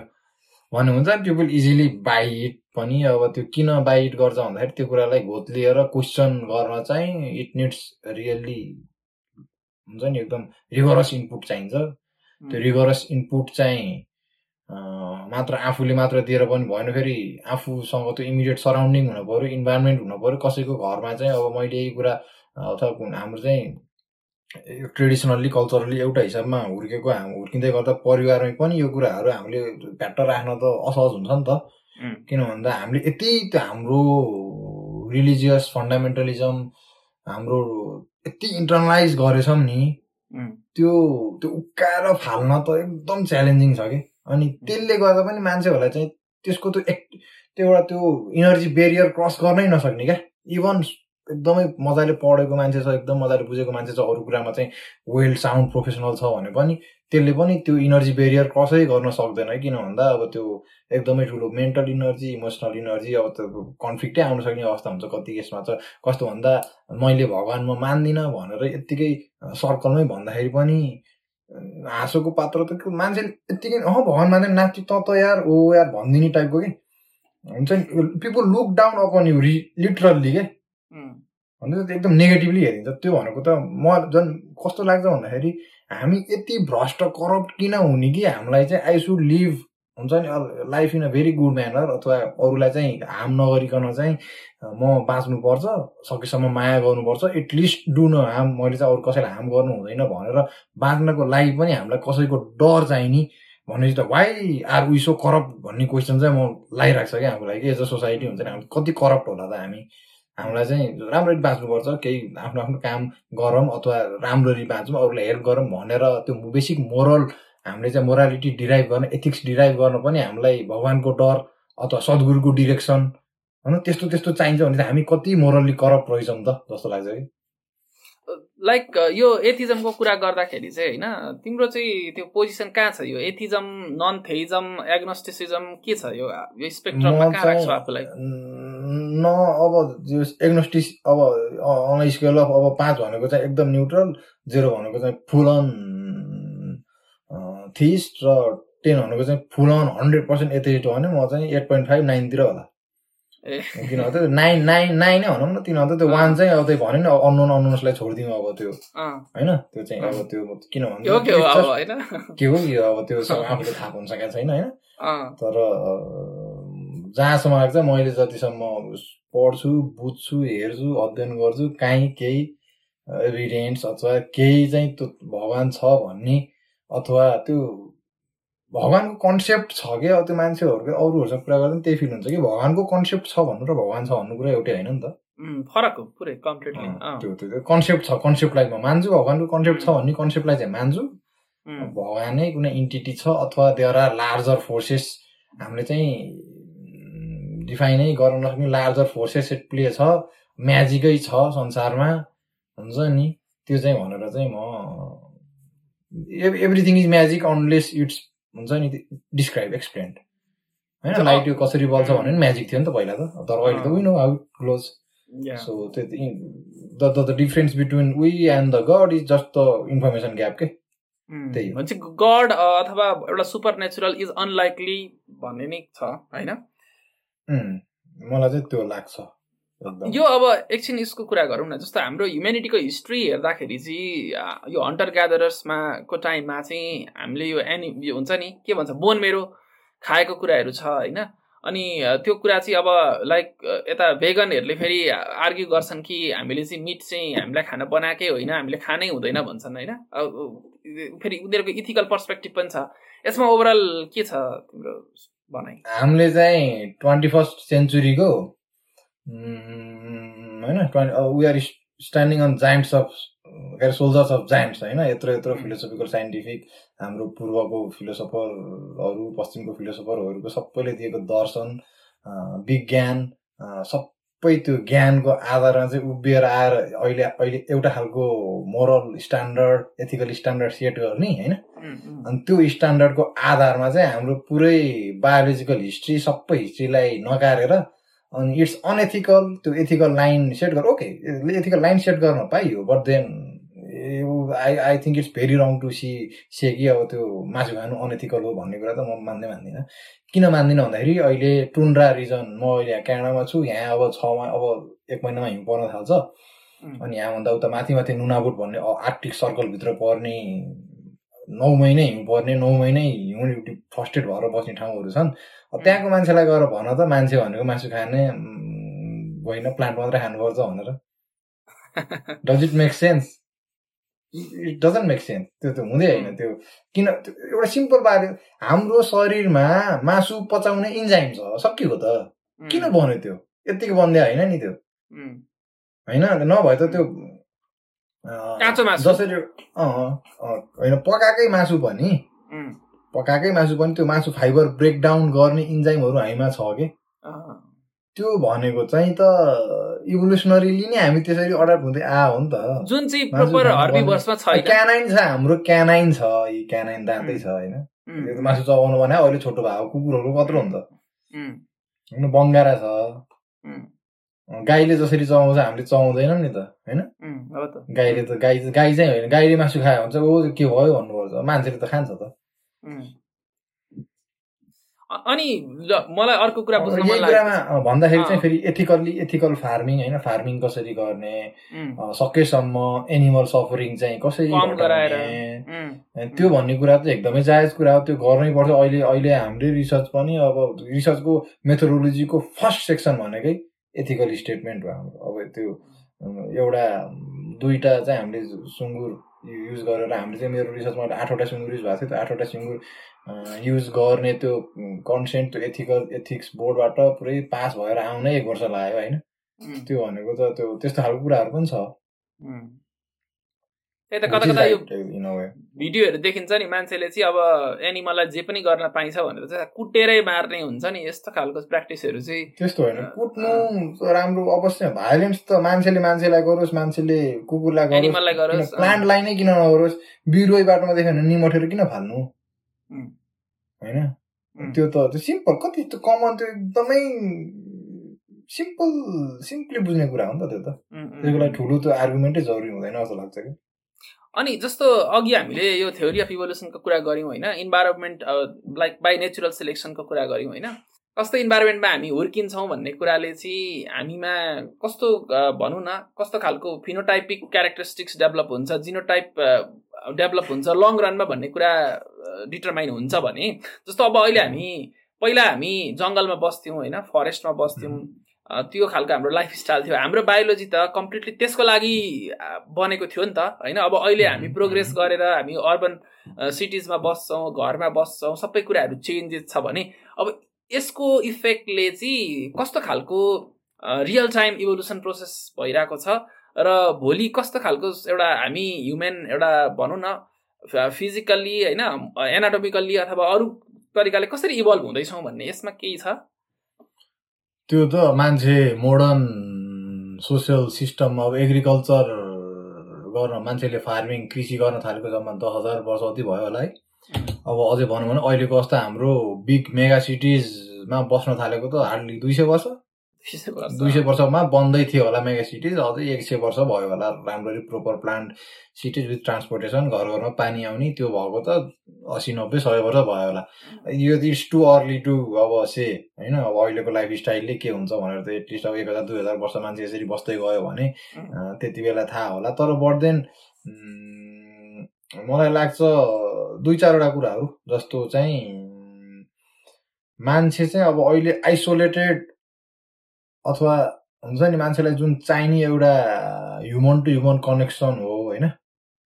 त्यो टच मान्छे जति चाहिँ भने नि सोसियल्ली चाहिँ एउटा सोसल सर्कलमा चाहिँ इन्गेज भएर बसिराख्ने प्राणी भएको हुनाले चाहिँ अहिले चाहिँ आइसोलेसन त्यसले गर्दा चाहिँ अब सपोज हाम्रो मेन्टल हेल्थको जुन डाइमेन्सनहरू छ अब त्यसले गर्दा इन सर्ट रन पनि इफेक्ट पर्न जान सक्छ कि? अथवा हाम्रो चाहिँ जसरी we are not we did not evolve to हुन्छ नि बिग ग्लु टु स्क्रिन होइन? दिनभरि चौबिसै घन्टा स्क्रिन हेर्नुको लागि हामी इभल्भ भयो होइन? तर। हाम्रो चाहिँ यसले चाहिँ फेरि यसको बायोलोजिकल इफेक्ट त छ होइन? अब बायोलोजिकल इफेक्ट छ अवश्य पनि छ। त्यसले चाहिँ ब्रेनमा एउटा खालको इफेक्ट परिरहेछ हामीले जसरी इन्गेज हुन्छौँ जसरी हामीलाई चाहिँ लभ रियाक्ट आउँदाखेरि झ्याप्प डोपामिन रिलिज खुसी लाग्छ होइन? एङ्ग्री रियाक्ट कहिले गरेन रिस उठ्छ। त्यो त्यो भनेको त यसको लागि त हामी इभल्भ भयो होइन? तर चाहिँ इभल्भ नभएको भए पनि हामीलाई त्यसको इफेक्ट त छ। त्यसलाई चाहिँ हामीले कसरी कोप गर्छौँ र यसको नतिजा के आउँछ भनेर त अहिले पनि कति स्टडी स्टडिजहरू त भइरहेछन्। सायद त्यो हाम्रो को हो? जोनाथन हाइट होला है एकजना इकोनोमिस्ट छ न्युयोर्क युनिभर्सिटीको होला। सायद उसले चाहिँ। यो मिलेनि सायद मलाई जोनाथन हाइटै हो जस्तो लाग्छ। फ्रिकोनोमिक्स कि लेखेको राइटर इकोनोमिस्ट हो जस्तो लाग्छ। उसले चाहिँ- न्युयोर्क युनिभर्सिटीमा सायद उसले गरेको स्टडी अनुसार चाहिँ यस्तै अहिलेको जेनजी टिनेजर्सहरूको चाहिँ त्यो मेन्टल त्यो हेल्थको चाहिँ त्यो ट्याली त्यो रेकर्ड राखेको छ कि उसले in the long run two thousand ten पछाडि जसरी ट्विटर र फेसबुकमा चाहिँ सेयरिङ लाइक कमेन्ट र यो रियाक्सनहरू आएपछि र त्यहाँभन्दा अगाडिको चाहिँ तिनीहरूले त्यो मोडल त्यो त्यो मोडिफाई गरेको टाइमभन्दा अगाडि र पछाडिको डेटा चाहिँ कोही हेरेको छ कि? अनि त्यसमा चाहिँ यस्तै यस्तै प्रिलिमिनरी रिजल्ट आएको छ कि? अलि चाहिँ मेन्टल हेल्थसँग चाहिँ अलि बढी डिरेक्टली चाहिँ यो कुराहरूले ह्याम्पर गरिरहेछ कि भन्ने कुराहरू छ। अब त्यो चाहिँ अब डेफिनेटली अलि अझै स्टडी हुँदै गएर अझै लार्ज डेटा ग्यादर गरेपछि चाहिँ अनि अलि मजाले भन्न सक्ने कुराहरू होला। बट देन अब पछि के होला भन्ने क्रममा चाहिँ इन्ट्रेस्टिङ कुराहरू चाहिँ कस्तो छ भन्दा यो कुरा चाहिँ युवा नो हरारीले नि गरेको थियो तर कस्तो भन्दाखेरि अहिलेसम्म चाहिँ मान्छे अब इन अ वे मान्छे र मसिन चाहिँ छुट्टै छ कि डिट्याचै छ। In a way we are already hacked होइन? हामीलाई चाहिँ अल्गोरिदमले चलाइरहेको छ होइन? जुन सामान किनभने त्यही किन्छौँ। अहिले हामी अब गुगल मिटमा जुममा बोलिरहेछौँ। अनि इन अ वे टेक्नोलोजी त हामीभित्र छ। अहिले हाम्रो पुरै internalize गरिसक्यौँ। But it has been internalize mentally के? त्यो माइन्डमा मात्रै इन्टरनलाइज छ अहिले चाहिँ। तर अब चाँडै फ्युचरमा चाहिँ जस्तो इरन मस्कले न्युरालिङ्कको कुरा गर्छ होइन? अहिले चाहिँ अब अरूहरू आइरहेछ। कस्तो भन्दा बायोनिक चिप्सहरू चाहिँ लाएर हिँड्ने होइन? जसले चाहिँ ग्लुकोज सुगर मोनिटरिङ गर्छ हार्ट प्रेसहरू हार्ट हार्ट रेटहरू मोनिटरिङ गर्छ रियल टाइममा चाहिँ अनि त्यो मोडुलेट गर्न हेल्प गर्छ भन्ने छ। त्यो त्यो कुराहरूले चाहिँ इन द लङ रन चाहिँ बायोलोजिकल र त्यो मसिन र बायोलोजिकल त्यो सिस्टमको चाहिँ इन्टरफेस चाहिँ त्यो फ्युज भइदिन्छ नि त। त्यसको इफेक्ट चाहिँ कस्तो आउला? त्यो त इन्ट्रेस्टिङ अब त्यो हुन्छ नि। We don't know it but it would be interesting के? अब यो जस्तो अब एकछिन होमोसेक्सुअलिटीको बारेमा कुरा गरौँ न। होइन धेरैवटा रिलिजनले चाहिँ होमोसेक्सुअलिटीलाई चाहिँ होमोसेक्सुअलिटी द सिन भनिदिने होइन? यस्ता कुराहरूले गर्दाखेरि अनि अहिलेको यो मोडर्न यो कल्चरल इन्फ्लुएन्सले गर्दाखेरि मान्छे बिग्रिएको होइन? यस्तो खालको नेचुरल होइन भन्ने कुराहरू छ। यसमा चाहिँ बायोलोजीले के भन्छ? होमोसेक्सुअलिटी एकदम कम्प्लिटली बायोलोजिकल फेनोमेना हो यार। यो चाहिँ हजुरले बबुन्स बबुन्स बबुन्स भन्यो भने बबुन्स सायद मलाई लाग्छ बबुन्सहरूमा छ होमोसेक्सुअलिटी होइन? मजैले रेकर्डेड नै। अनि यसको लागि चाहिँ एउटा फ्रान्स डिवाल छन् होइन? फ्रान्स डिवाल भन्ने जुलोजिस्ट साइन्टिस्ट छन् प्राइमेट प्राइमेटोलोजिस्ट हुन्। उनले चाहिँ मजाले लामो समयसम्म रिसर्च गरेका छन्। उनको चाहिँ जसले पनि फ्रान्स डिवाल भनेर लेख्ने बित्तिकै त आइहाल्छ। उनले चाहिँ कस किन किन कुन कुन आधारमा चाहिँ भनेका छन् भनेर। सपोज उनले चाहिँ बबुनको इक्जाम्पल दिन्छन् होइन? बबुनको फिमेल फिमेलहरू चाहिँ कसरी चाहिँ सेक्सुअली इन्गेज हुन्छन्? इभन सायद मलाई लाग्छ डल्फिन्समा पनि थोरै बहुत होमोसेक्सुअलिटी हुन्छ होइन? यस्तो इक्जाम्पलहरू छ। अनि होमोसेक्सुअलिटी चाहिँ अब त्यही त त्यो झ्याप्प हेर्दाखेरि हाम्रो चाहिँ कस्तो बाइनरी थिङ्किङ हुन्छ अनि त्यो बाइनरी थिङ्किङकै उपजको कारण चाहिँ यो चाहिँ अलि हेटेड अथवा हुन्छ नि त्यो टबुड भयो हो क्या मान्छेहरूले चाहिँ हेर्ने नजरिया जसरी चाहिँ होमोसेक्सुअलिटी इज अ सिन भनेर कतिवटा रिलिजनमा त अब त्यहाँ स्टोन टु डेथ होइन। मार्ने गर्ने काट्ने जे पनि हुनसक्छ त्यहाँ अनर किलिङ हुनसक्छ। त्यो चाहिँ एकोर्डिङ टु मोडर्न साइन्स बायोलोजीले चाहिँ इट्स कम्प्लिटली नेचुरल होइन हुनसक्छ। यसका पनि विभिन्न क्लासहरू छन् नि त होइन? अब जस्तो ट्रान्सजेन्डरिजम चाहिँ अब त्यो चाहिँ नेचुरली बर्थमै त्यस्तो भयो होइन? तर मान्छे इन्फ्लुएन्स भएर कल्चरल्ली इन्फ्लुएन्स भएर पनि हुन्छन् भने पनि उनीहरूको फ्रिडमको कुरा हो हुन पाए होइन त? पायो पायो। कोहीले चाहिँ अब बढ्दैन अब यसको चाहिँ कनोटेसन्सहरू यसको चाहिँ अब रिपर्केसन रामिफिकेसन यसलाई चाहिँ कसरी रेगुलेट गर्ने त्यो पनि आउँछ। सपोज म मेल हो biologically male but if I say that I identify as a female म चाहिँ एथलेट हुन चाहन्छु र म फिमेलको ओलम्पिक्स कुद्न जान्छु भनेर सुड आई बी अलाउड गर्न। अभियस फिलोसफिकल क्वेसन्स कन्ट्राडिक्सन्स आइहाल्छ क्या यस्तो कुराहरूमा? त्यही त्यही भएर फाइन लाइनै छैन यो कुराहरू चाहिँ फिलोसफिकली आउट गर्ने डिबेट गर्ने अनि त्यो अनुसार चाहिँ कसरी एउटा सिस्टम जेनेरेट गराएर एउटा कन्सेन्ट कन्सेन्सस लाइन चाहिँ कहाँ ड्र गर्ने अनि के चाहिँ मान्ने भन्ने कुरा त्यसरी आउँछ होला कि? अहिले कति इस्युहरू आइरहेको हुन्छ नि यो? एकदम आई आइडेन्टिफाई एज यो भनेर अनि सुडाइ बी अलाउड हुन्थ्यो सुडाइ बी अलाउड अस्ति भर्खर आएको थियो त एउटा त्यो ओलम्पिक कि केमा त्यो रनिङमा कि केमा जित्यो नि एकजना ट्रान्सजेन्डर रहेछ फिमेल भएर अब कसैको कम्पिटिसनै छैन क्या उसको। त्यसलाई चाहिँ कसरी मान्ने अब त्यो त्यही त त्यो यस्तो यस्तो नुवान्सेसहरूलाई चाहिँ कसरी एड्रेस गर्ने भन्ने नै अब अहिलेको मोडर्न यसको अब त्यो मोडर्न फिलोसफिकल प्रब्लम्स भनेको यही हो क्या। How how how to design AI होइन ट्रान्सजेन्डर ट्रान्सजेन्डरिजमको कुरालाई कसरी एड्रेस गर्ने अब अब एआई चाहिँ कस्तो हुनुपर्छ भन्ने अब यही कुराहरू त हो नि अहिलेको नयाँ फिलोसफिकल क्वेसन्स भनौँ न हाम्रो एजको अब जस्तो यो मोडर्न साइन्सले चाहिँ बायोलोजीले चाहिँ मेडिकल साइन्सले चाहिँ यो होमियोपेथी र आयुर्वेदालाई कसरी हेर्छ? यो अब होमियोपेथीमा त धेरै डिबेट भएन होला। आयुर्वेदालाई कसरी हेर्छ?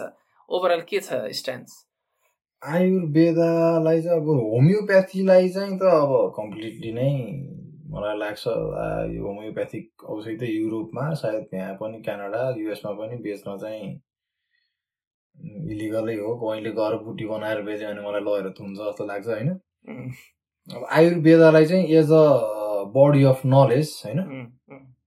As a body of knowledge चाहिँ किन भन्दा त्यो त एउटा रिटर्न डकुमेन्टेड एउटा नलेज हो नि त।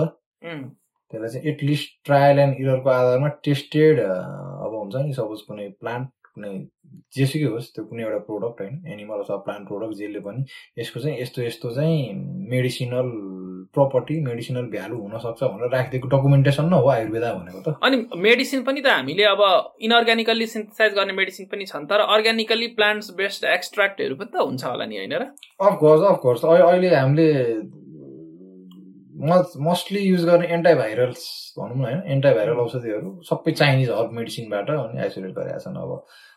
एचआइभीको एगेन्स्टमा युज हुने एन्टाभाइरल भन् बेबिरिमाट भन्ने एउटा एन्टाभाइरल ड्रग छ। त्यो पनि अब चाइनिज हर्ब मेडिसिनबाट आएको एकदम त्यो किन भन्दा त हामीले त्यो कम्पाउन्डहरू नै हो नि at at the core of anything अघि मैले भने नि भाइरस स्ट्रक्चरली त फिजिकल सिस्टम त हो नि जसरी नि होइन? फिजिकल सिस्टम हो भाइरसले चाहिँ सेलमा हाम्रो भाइरस चाहिँ यसरी अट्याक गर्छ भनेर थाहा पाउने हो। त्यो यसरी अट्याक गर्दाखेरि चाहिँ भाइरस चाहिँ सेलमा यो ठाउँमा आएर यसरी अट्याच हुन्छ भन्ने। त अट्याच यत्तिकै अट्याच हुँदैन नि त केही न केही बोन्डिङ हुन पर्यो उम्, होइन? At the core of it त केमिकल बोन्डिङ छ नि होइन? अब त्यो भाइरस त्यो सेलमा आएर अट्याच हुन नदिन त त्यो भाइरस जस्तै जस्तै देखिने त्यो भाइरसकै कपी गरिदिने अथवा त्यो अट्याच हुने पार्टको मात्रै कपी गरिदिने अर्को मोलिकुल चाहियो। त्यो अर्को मोलिकुल हाम्रो नेचरमा भेट्टायो भने माटोबाट भेट्टाइने भयो प्लान्टबाट भेट्टाइने भयो जेबाट भेट्टाइने भयो हुँदा त्यो त हामीले युज गर्छौँ। लाइक ओभरअल कस्तो पनि कुरा हुँदो रहेछ भन्दाखेरि चाहिँ यो आयुर्वेदा चाहिँ लाइक एउटा मेडिसिन भएर काम गरेको भन्दा पनि एउटा स्टिरोइड जस्तो भएर चाहिँ त्यसले सर्टेन मान्छेलाई रिलिफ फिल गरेको हुन्छ तर त्यसले एक्चुअली चाहिँ काम गरेको हुँदैन। त्यो स्टिरोइड खाए जस्तै हो भन्ने पनि रहेछ नि आर्गुमेन्ट त्यसमा के छ? अब यस्तो अब आयुर्वेदा भनेको चाहिँ रिजोल्युसन हुँदैन त्यसको है। त्यो रिजल्भ भएन नि त त्यो त अब सपोज हाम्रो हाम्रो यता मोडर्न मेडिसिन चाहिँ त्यही एउटा मात्र कम्पाउन्ड टार्गेट त्यो मात्र हुन्छ त्यसले गएर थोरै कन्सन्ट्रेसनमा हाल्दा पनि टार्गेटेड हुन्छ काम मजाले गर्छ निको हुन्छ मान्छे होइन। आयुर्वेदा आयुर्वेदा चाहिँ म- औषधि वान मिलिग्राम र हाम्रो मोडर्न मेडिसिन वान मिलिग्राम खानु भनेको एउटा कुरा होइन नि त। आयुर्वेदमा त त्यो वान मिलिग्राममा त्यसको मिलियन हुन्छ नि यति त डकिन्सले उ गर्छ नि एउटा। त्यो समुद्रमा यति पानीमा यति एउटा मोलिकुल हाले जस्तो हो त्यो भनेर त्यो एक्ज्याक्टली त्यही नै हो क्या। त्यसमा एउटा त्यो कम्पाउन्ड हुँदै नहुने भन्ने होइन। हुनसक्छ एउटा कम्पाउन्ड हुनसक्छ तर त्यो त्यो dosage it's as good as it is not there processed synthesize हुनु पर्यो होइन? जसरी अब हामीले त मिलिग्राम ठ्याक्क दबाई मात्रै। तर त्यसमा यसमा पनि यो मिलिग्राम भन्नेमा पनि त्यो दबाई मात्रै त हुँदैन त्यसमा अरू हुँदैन हुँदैन Mix त। गरे हुन्छ। त्यसलाई चाहिँ दबाईको लागि चाहिँ स्टेबल बनाउने अरू कम्पाउन्ड एडिबल जसले चाहिँ शरीरलाई हार्म गर्दैन त्यो चाहिँ फिलर दबाईलाई स्टेबल त बनाउनु पर्यो नि त्यो सर्टेन। टेम्परेचरमा उसमा स्टेबल हुन्छ त्यसलाई शरीरमा घुल्नको लागि अझै सहज बनाउने अरू अरू कम्पाउन्डहरू पनि हालेर बनाएको हुन्छ। अनि यो कोभिड नाइन्टिनको टाइममा चाहिँ तिमीले त्यो एउटा नेपालमा एउटा केमिस्ट्री टिचरले चाहिँ मैले यसको उपचार पत्ता लगाएको छु। यसमा फर्दर रिसर्च गरियोस्। नेपालले क्लेम गर्यो भन्दाखेरि धेरै राष्ट्रवादी नेपालीहरूले चाहिँ त्यो कुरालाई एकदम एप्रिसिएट गरेर त्यो कुराको धेरै सोसियल मिडियामा धेरै चहल पहल देखिन्थ्यो होइन? अनि त्यसमा चाहिँ यो चाहिँ यस्तो होइन है भनेर केही आवाज उठाउँदाखेरि सर्टेन ब्ल्याक लास्ट पनि मतलब एक्सपिरियन्स गर्नु परेको थियो तिमीले। त्यसमा कस्तो के भएको थियो अलिकति डिटेलमा सुनौँ न। अलिअलि गाली खाइयो हाम्रो नेपाली दाजुभाइहरूको तर ठिकै छ त्यस्तो गाली खान अलिअलि रेडी हुन पनि पर्यो नि। त्यसमा चाहिँ के भएको थियो भन्दा हाम्रो एकजना काहीँ वनस्पति विज्ञ र फाइटोकेमिस्ट हुनुहुँदो रहेछ उहाँ चाहिँ। वनस्पतिको चाहिँ केमिकल कम्पाउन्डहरू चाहिँ सम्बन्धी अध्ययन गर्ने अनि उहाँले चाहिँ अब सर्टेन बोट बिरुवाहरूको चाहिँ त्यो फाइटोकेमिकल एक्सट्र्याक्ट बनाएर यो एक्सट्र्याक्टले चाहिँ अब कोरोनाको औषधि हो। यो भाइ भ्याक्सिन हो भन्नुभयो क्या। अनि क्लेम हान्दै हाल्नुभयो भ्याक्सिन बनाउने त त्यो भ्याक्सिन हो भने त्यो त्यो यदि त्यसले कोरोना निको पार्ने नै भएको भए पनि त्यो भ्याक्सिन हुन्थेन क्या। त्यो एन्टाभाइरल हुन्थ्यो क्या। उहाँलाई चाहिँ सिम्पली त्यो एउटा ड्रग होइन vaccine and drug are not the same thing के। एउटा ड्रग र भ्याक्सिनकै भिन्नता थाहा नभइकन अनि त्यो भए पनि ड्रग हुन सक्ने कुरालाई भ्याक्सिन भनिदिनु भयो किन मैले चाहिँ यही दुइटा डिफ्रेन्सिएट गरेर यसरी यसरी काम गर्छ भ्याक्सिनले त्यही भएर भ्याक्सिन त कुनै हालतमा हुनै सक्दैन। हो भने पनि ठिक हो भने पनि। हो भने ठिक हो भने पनि यो एन्टाभाइरल ड्रगको फर्स्ट स्टेज क्या स्टेज नाइन्टी नाइनमा गएर चाहिँ त्यो ड्रग हो भने उहाँले भनेको कुरा चाहिँ वान हो। त्यो त्यो त्यो एक एक एक एक हप्तामा त्यहाँबाट ड्रग बन्ने भएको त अहिले कोरोना अहिले पनि मरिरहेको छ नि त आजभोलि पनि। कोही मर्दैन नि त। होइन? त्यही भएर त्यही कुराहरू गरेको अनि त्यहाँ मान्छेहरू चाहिँ के भन्छ त नेपाली भएर नेपालीको खण्डन गर्छस्। भन्ने कुराहरू भयो। अनि त्यही त अब सब नेपाली हो भन्दैमा सबै कुरा जे पनि त मानिदिएर भएन। त। अभियसली लागेको कुरा त रङ कुरालाई त रङ भन्न परिहाल्यो। त्यहाँ हामीलाई चाहिँ त्यही हाम्रो सामाजिक समस्या नै त्यही हो कि अब प्रश्न नगरिदिने होइन? अब मानिदिउँ न। अब त्यत्रो पिएचडी गरेको डाक्टर हो प्रोफेसर हो उहाँले भनेको त कसरी रङ होला र। भनिदिने मानिदिइहाल्ने अब त्यो त ट्रुथले त तेरो मेरो डिग्रीसँग रिलेट तर गर्दैन नि त। त। तथ्य त तथ्य हो नि त. अनि जस्तो अब यो पोलिटिकल स्पेक्ट्रममा जुन लेफ्ट र राइट हुन्छ नि आफूलाई चाहिँ कहाँ राखिन्छ यो स्पेक्ट्रममा यो यो यही हो। मेरो चाहिँ सबभन्दा मेरो मेरो मेन कन्ट्राडिक्सन नै म कहाँ छु भन्ने थाहा नपाउन सक्नु नै त्यही एउटा यो पनि हो एउटा म कहाँ त कुनै कुनै कुरा हेऱ्यो होइन अब देशिस्ट आइडियोलोजी एउटा एउटा सोसियल वेलफेयरको कुरा होइन सिस्टमको कुरा मलाई चाहिँ अब सामाजिक सुरक्षा अनि त्यहाँबाट मान्छेले चाहिँ बेसिक एजुकेसन बेसिक हेल्थहरू चाहिँ अलिक मजाले सब्सिडाइज भइदिनु पर्ने सबैले चाहिँ हुन्छ नि सहज रूपमा चाहिँ त्यो सु सुविधा चाहिँ भोग्न पाउन पर्ने हो। जस्तो लाग्छ है अनि यो privatization too much of privatization भएको चाहिँ मन पर्दैन क्या यो हेल्थ एटलिस्ट हेल्थ र एजुकेसन यिनीहरू। त्यो पर्सपेक्टिभबाट हेर्दाखेरि खै अब लेफ्ट लेफ्टको आइडियोलोजी नै मन पऱ्यो जस्तो लाग्छ है। तर फेरि त्यही जुन सेन्समा अब अहिले मैले म खासै अब धेरै बुझेको त भन्दिनँ तर म चाहिँ जसरी जुन एउटा ब्याकग्राउन्डमा हुर्केर आएँ त्यहाँ चाहिँ अब त्यो एउटा हुन्छ नि लेफ्ट लिनिङै ब्याकग्राउन्ड थियो भनौँ न।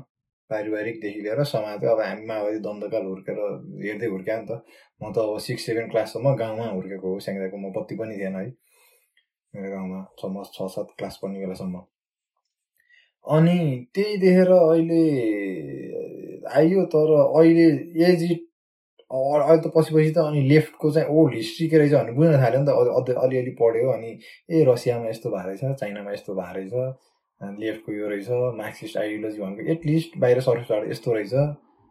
ओके अनि त्यो मार्क्सिस्ट आइडियोलोजी भन्नु र मार्क्सिस्ट इकोनोमी भन्नु दुइटै एउटा कुरा त अलि रहन्छ।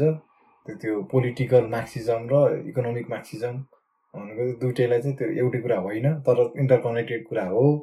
होइन प्लस यता गएर चाहिँ अब राइटको चाहिँ यस्तो हुन्छ इकोनोमिक पर्सपेक्टिभ अनि नियो लिबरलिजम भनेको यो लिबरल लिबरल भ्यालुज भनेको यस्तो भनेर हेर्दाखेरि अनि त्यो सबै कन्फ्युजिङ लाग्छ अनि त्यो कन्फ्युजिङ भन्दा पनि इन्डिसिजिभ जस्तो कि।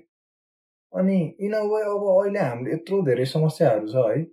त्यो समस्या किन आयो? अब इन्भाइरोमेन्टल डिग्रेडेसन छ क्लाइमेट चेन्ज छ यताउति सबै त्यो छ अनि यो हाम्रो वेस्टले जसरी कोलोनियल कोलोनियलिजमले चाहिँ जसरी लुट्यो होइन बाँकी अफ्रिकादेखि लगाएर इन्डिया एसिया एसियन सब कन्टिनेन्टलाई त लुट्यो नि त। होइन मजाले सय दुई सयौँ वर्षसम्म लुटे अनि यो यिनीहरू धनी वेस्ट धनी हुनु भनेकै हामी अथवा हामी गरिब हुनु भनेको वेस्ट धनी हुनु रहेछ क्या किन भन्दा त रिसोर्सेस हो होइन? रिसोर्सेस सबै लुटे लगे। अब त्यही त्यही कारणले नै हामी गरिब भए पनि हो तर फेरि त्यति कारण मात्रै नै होइन। किन हामीमा पनि अब उनीहरूको जस्तै सिस्टमेटिकल्ली क्वेसनिङ गर्ने समाज अथवा त्यो त्यो त्यो चाहिँ किन बन्न सकेन भन्ने कुरा नभए त हाम्रोमा नि सिभिलाइजेसनहरू त थियो इस्टमा पनि खतरा खतरा सिभिलाइजेसन छ नि त होइन? त्यो सिभिलाइजेसनहरू त फ्लोरिस वेस्टको जसरी किन हुन सकेन भनेर त्यो हिसाबमा हेर्दाखेरि होइन यिनीहरूले अडेप्ट अडा एडप्ट गरेको यही अब क्यापिटलिस्ट सिस्टमै अलि राम्रो पनि हो कि एट लार्ज होइन? एभरेजमा हेर्दाखेरि जस्तो पनि लाग्छ फेरि अहिले अब भइरहेको जस्तो जस्तो प्रफिट सिकिङ मात्र छ जसरी मान्छे नेचरसँग डिट्याच छ एउटा सिम्पल टु सिम्पल जसरी कन्ज्युमरिजम छ जसरी चाहिँदै नचाहेको कुरा चाहिँ किनम किनम बनाएर मान्छेलाई किनाइन्छ। होइन जसरी एउटा एक एउटा एउटा आलु चाहिँ जसरी प्लास्टिकमा प्याकेज भएर आउँछ होइन? यो सबै हेर्दाखेरि पनि हो इनोभेसन हो यताउति हो इकोनोमी खतरा छ चलिरहेछ तर इज दिस रियल्ली हुन्छ नि? ह्युम्यानिटी चाहिँ यसरी नै हो त अगाडि बढ्ने। भन्ने जस्तो पनि लाग्छ कि। अनि अब यदि इलन मस्कले मार्समा मान्छे पठायो भने पनि को चाहिँ जाने को चाहिँ छुट्ने अब त्यो डिलेमा हेर्नु न अब कस्तो छ। कहाँ ड्र गर्ने क्या लाइन होइन डेमोक्रेसीको भोट भोटिङमा पनि त्यही आउँछ नि कुराहरू। सबै मान्छेलाई एउटै फुटिङमा राखिन्छ नि तर त्यहाँ डिसिजन लिन नसक्ने इग्नोरेन्ट मान्छेहरू पनि हुन्छन्। सबै कुरा बुझेका मान्छेहरू पनि हुन्छन् होइन? तर भोट त एउटै। गनिन्छ नि त। अनि सर्टेन वे रहेछ क्या लाइक अलिक स्टिम्ड मान्छेहरूलाई मात्रै को भोट चाहिँ अलिकति बढी वेटेज हुने भनेर त्यो खालको पनि रहेछ क्या कुराहरू चाहिँ यो हेर्दाखेरि। अब फेरि त्यस्तो गर्ने बित्तिकै त त्यो त बिग्रियो नि त फेरि अब त्यो त त्यो त भयो त्यो त त्यो त हुँदै भयो। त्यो त इनहेरेन्टली त्यो मान्छे त भनेको मान्छेको भ्यालु नै अब लेसर मान्छे भइस भनेको भयो त्यो त मिल्दै मिलेन नि। हो त्यही इस्यु आयो नि त यहाँनिर पनि होइन? त्यही इथिकल इस्यु आयो क्या यस्तो कुरामा। अनि अनि एउटा भनाइ छ नि जस्तो मान्छे सुरुमा हुँदाखेरि चाहिँ अब हामी होइन सङ्घर्ष गरेर हुर्केका हुन्छौँ होइन हामी लेफ्टिस्ट आइडियोलोजी हामीलाई मनपर्छ फ्रिडम अफ स्पिच एक्सप्रेसन यस्ता कुराहरू आउँछन्। अनि तर जब अब उमेर बढ्दै जान्छ उमेर बढ्दै जान्छ बिस्तारै त्यो स्पेक्ट्रममा चाहिँ लेफ्टबाट सेन्ट्रलतिर जाँदै जाँदै जाँदै हुँदै अझै पुरा जब हुन्छ नि एउटा ए एजिङ हुन्छ होइन त्यो टाइममा पुग्दासम्म चाहिँ राइटतिर पुगिन्छ अरे क्या? त्यो मतलब त्यति बेलाको कन्टेम्पोरेरी थटको वरि रेस्पेक्टमा है फेरि। यसको चाहिँ? प्राग्मेटिक पनि छ होला कि प्र्याक्टिकल यसको चाहिँ प्र्याक्टिकल त्यो एक्सप्लेनेसन चाहिँ कस्तो भन्दा सानो उमेरमा अब आफूले फाइनेन्सियल्ली नकमाउनु पर्दा जस्ट ओल्ड एक्सप्लोर गर्दै मात्रै गर्दा इमोसनल्ली बढी ड्रिभन भएको उमेर हुर्किँदै गर्दाखेरि त चेन्ज रिभोल्युसन होइन सबै त युरोपियन हुनुपर्छ समाज। सबै बराबर हुनुपर्छ नि यार इक्विटी हुनुपर्छ त्यो भन्ने भ्यालु चाहिँ एकदम खत्रै फेसिनेटिङ रोमान्टिक लाग्छ क्या। अनि त्यो त्यो हुँदै गर्दा चाहिँ हामी टिन एजमा अथवा जुन एजसम्म हामीले कमाउने अथवा धेरै कमाउने भइरहेको हुँदैन त्यो एजसम्म चाहिँ त्यो एकदमै पर्सु गरौँ गरौँ लाग्दो अथवा त्यही नै हो मेरो आइडियोलोजी जस्तो लाग्छ। जब मान्छे अलिक कमाउनु थालेर ट्याक्स तिर्छ नि। ट्याक्स तिर्ने टाइम आएपछि चाहिँ अनि ए होइन गभर्मेन्ट त विक गभर्मेन्ट चाहिँदो रहेछ यार। किनभने मेरो tax खाइरहेछ। Why should I pay for someone else's groceries हुने अँ। टाइपको के अनि त्यही हो अब त्यो त्यही त वेस्टको सिस ऊ नै त्यही छ नि त विक गभर्मेन्ट जति सक्दो अब विक भइदियोस् तर गभर्मेन्टले फेरि इन वे प्रोटेक्ट पनि गरिदिनु परेको छ डिफेन्ड नि गरिदिनु परेको छ गभर्मेन्ट विक पनि बनाउनु छ अब त्यही कन्ट्राडिक्सनै त्यही त छ। अहिले वेस्टमा त प्रब्लम देख्दिनँ म किनभने त्यही अनुसार उसले एजुकेसनदेखि लिएर हेल्थ केयर सबै कुराहरू प्रोभाइड पनि गरेको हुन्छ होइन? अब. हाम्रोतिर चाहिँ लुट लुटको सरकार छ क्या हाम्रोतिर चाहिँ होइन? हामीले चाहिँ खोइ ट्याक्स किन पे गर्ने त्यो नै म बुझ्दिनँ क्या। खोइ के सुविधा छ? यहाँ त घाटै घाटा। मात्रै देख्छु म त नेपालमा बसेर त। हावा पनि दूषित हावा सास फेर्नुपर्छ होइन? सबै कुरा यहाँ त नराम्रै मात्रै छ जस्तो लाग्छ क्या मलाई नि। ट्याक्स तिर्नुको गभर्मेन्टमा हामीले आफ्नो पक्षबाट गर्छौँ त अर्कै कुरा छ होइन? तर उसले गर्छ भनेर गर्न चाहिँ कुनै पनि आधार छैन क्या यहाँनिर। त्यही त्यही गभर्मेन्टल इन्कम्पिटेन्सी अब त्यो के भनौँ उनीहरूलाई त्यो छँदै छैन। त्यही त्यो एउटा सिस्टमै सेटअप भएन कि।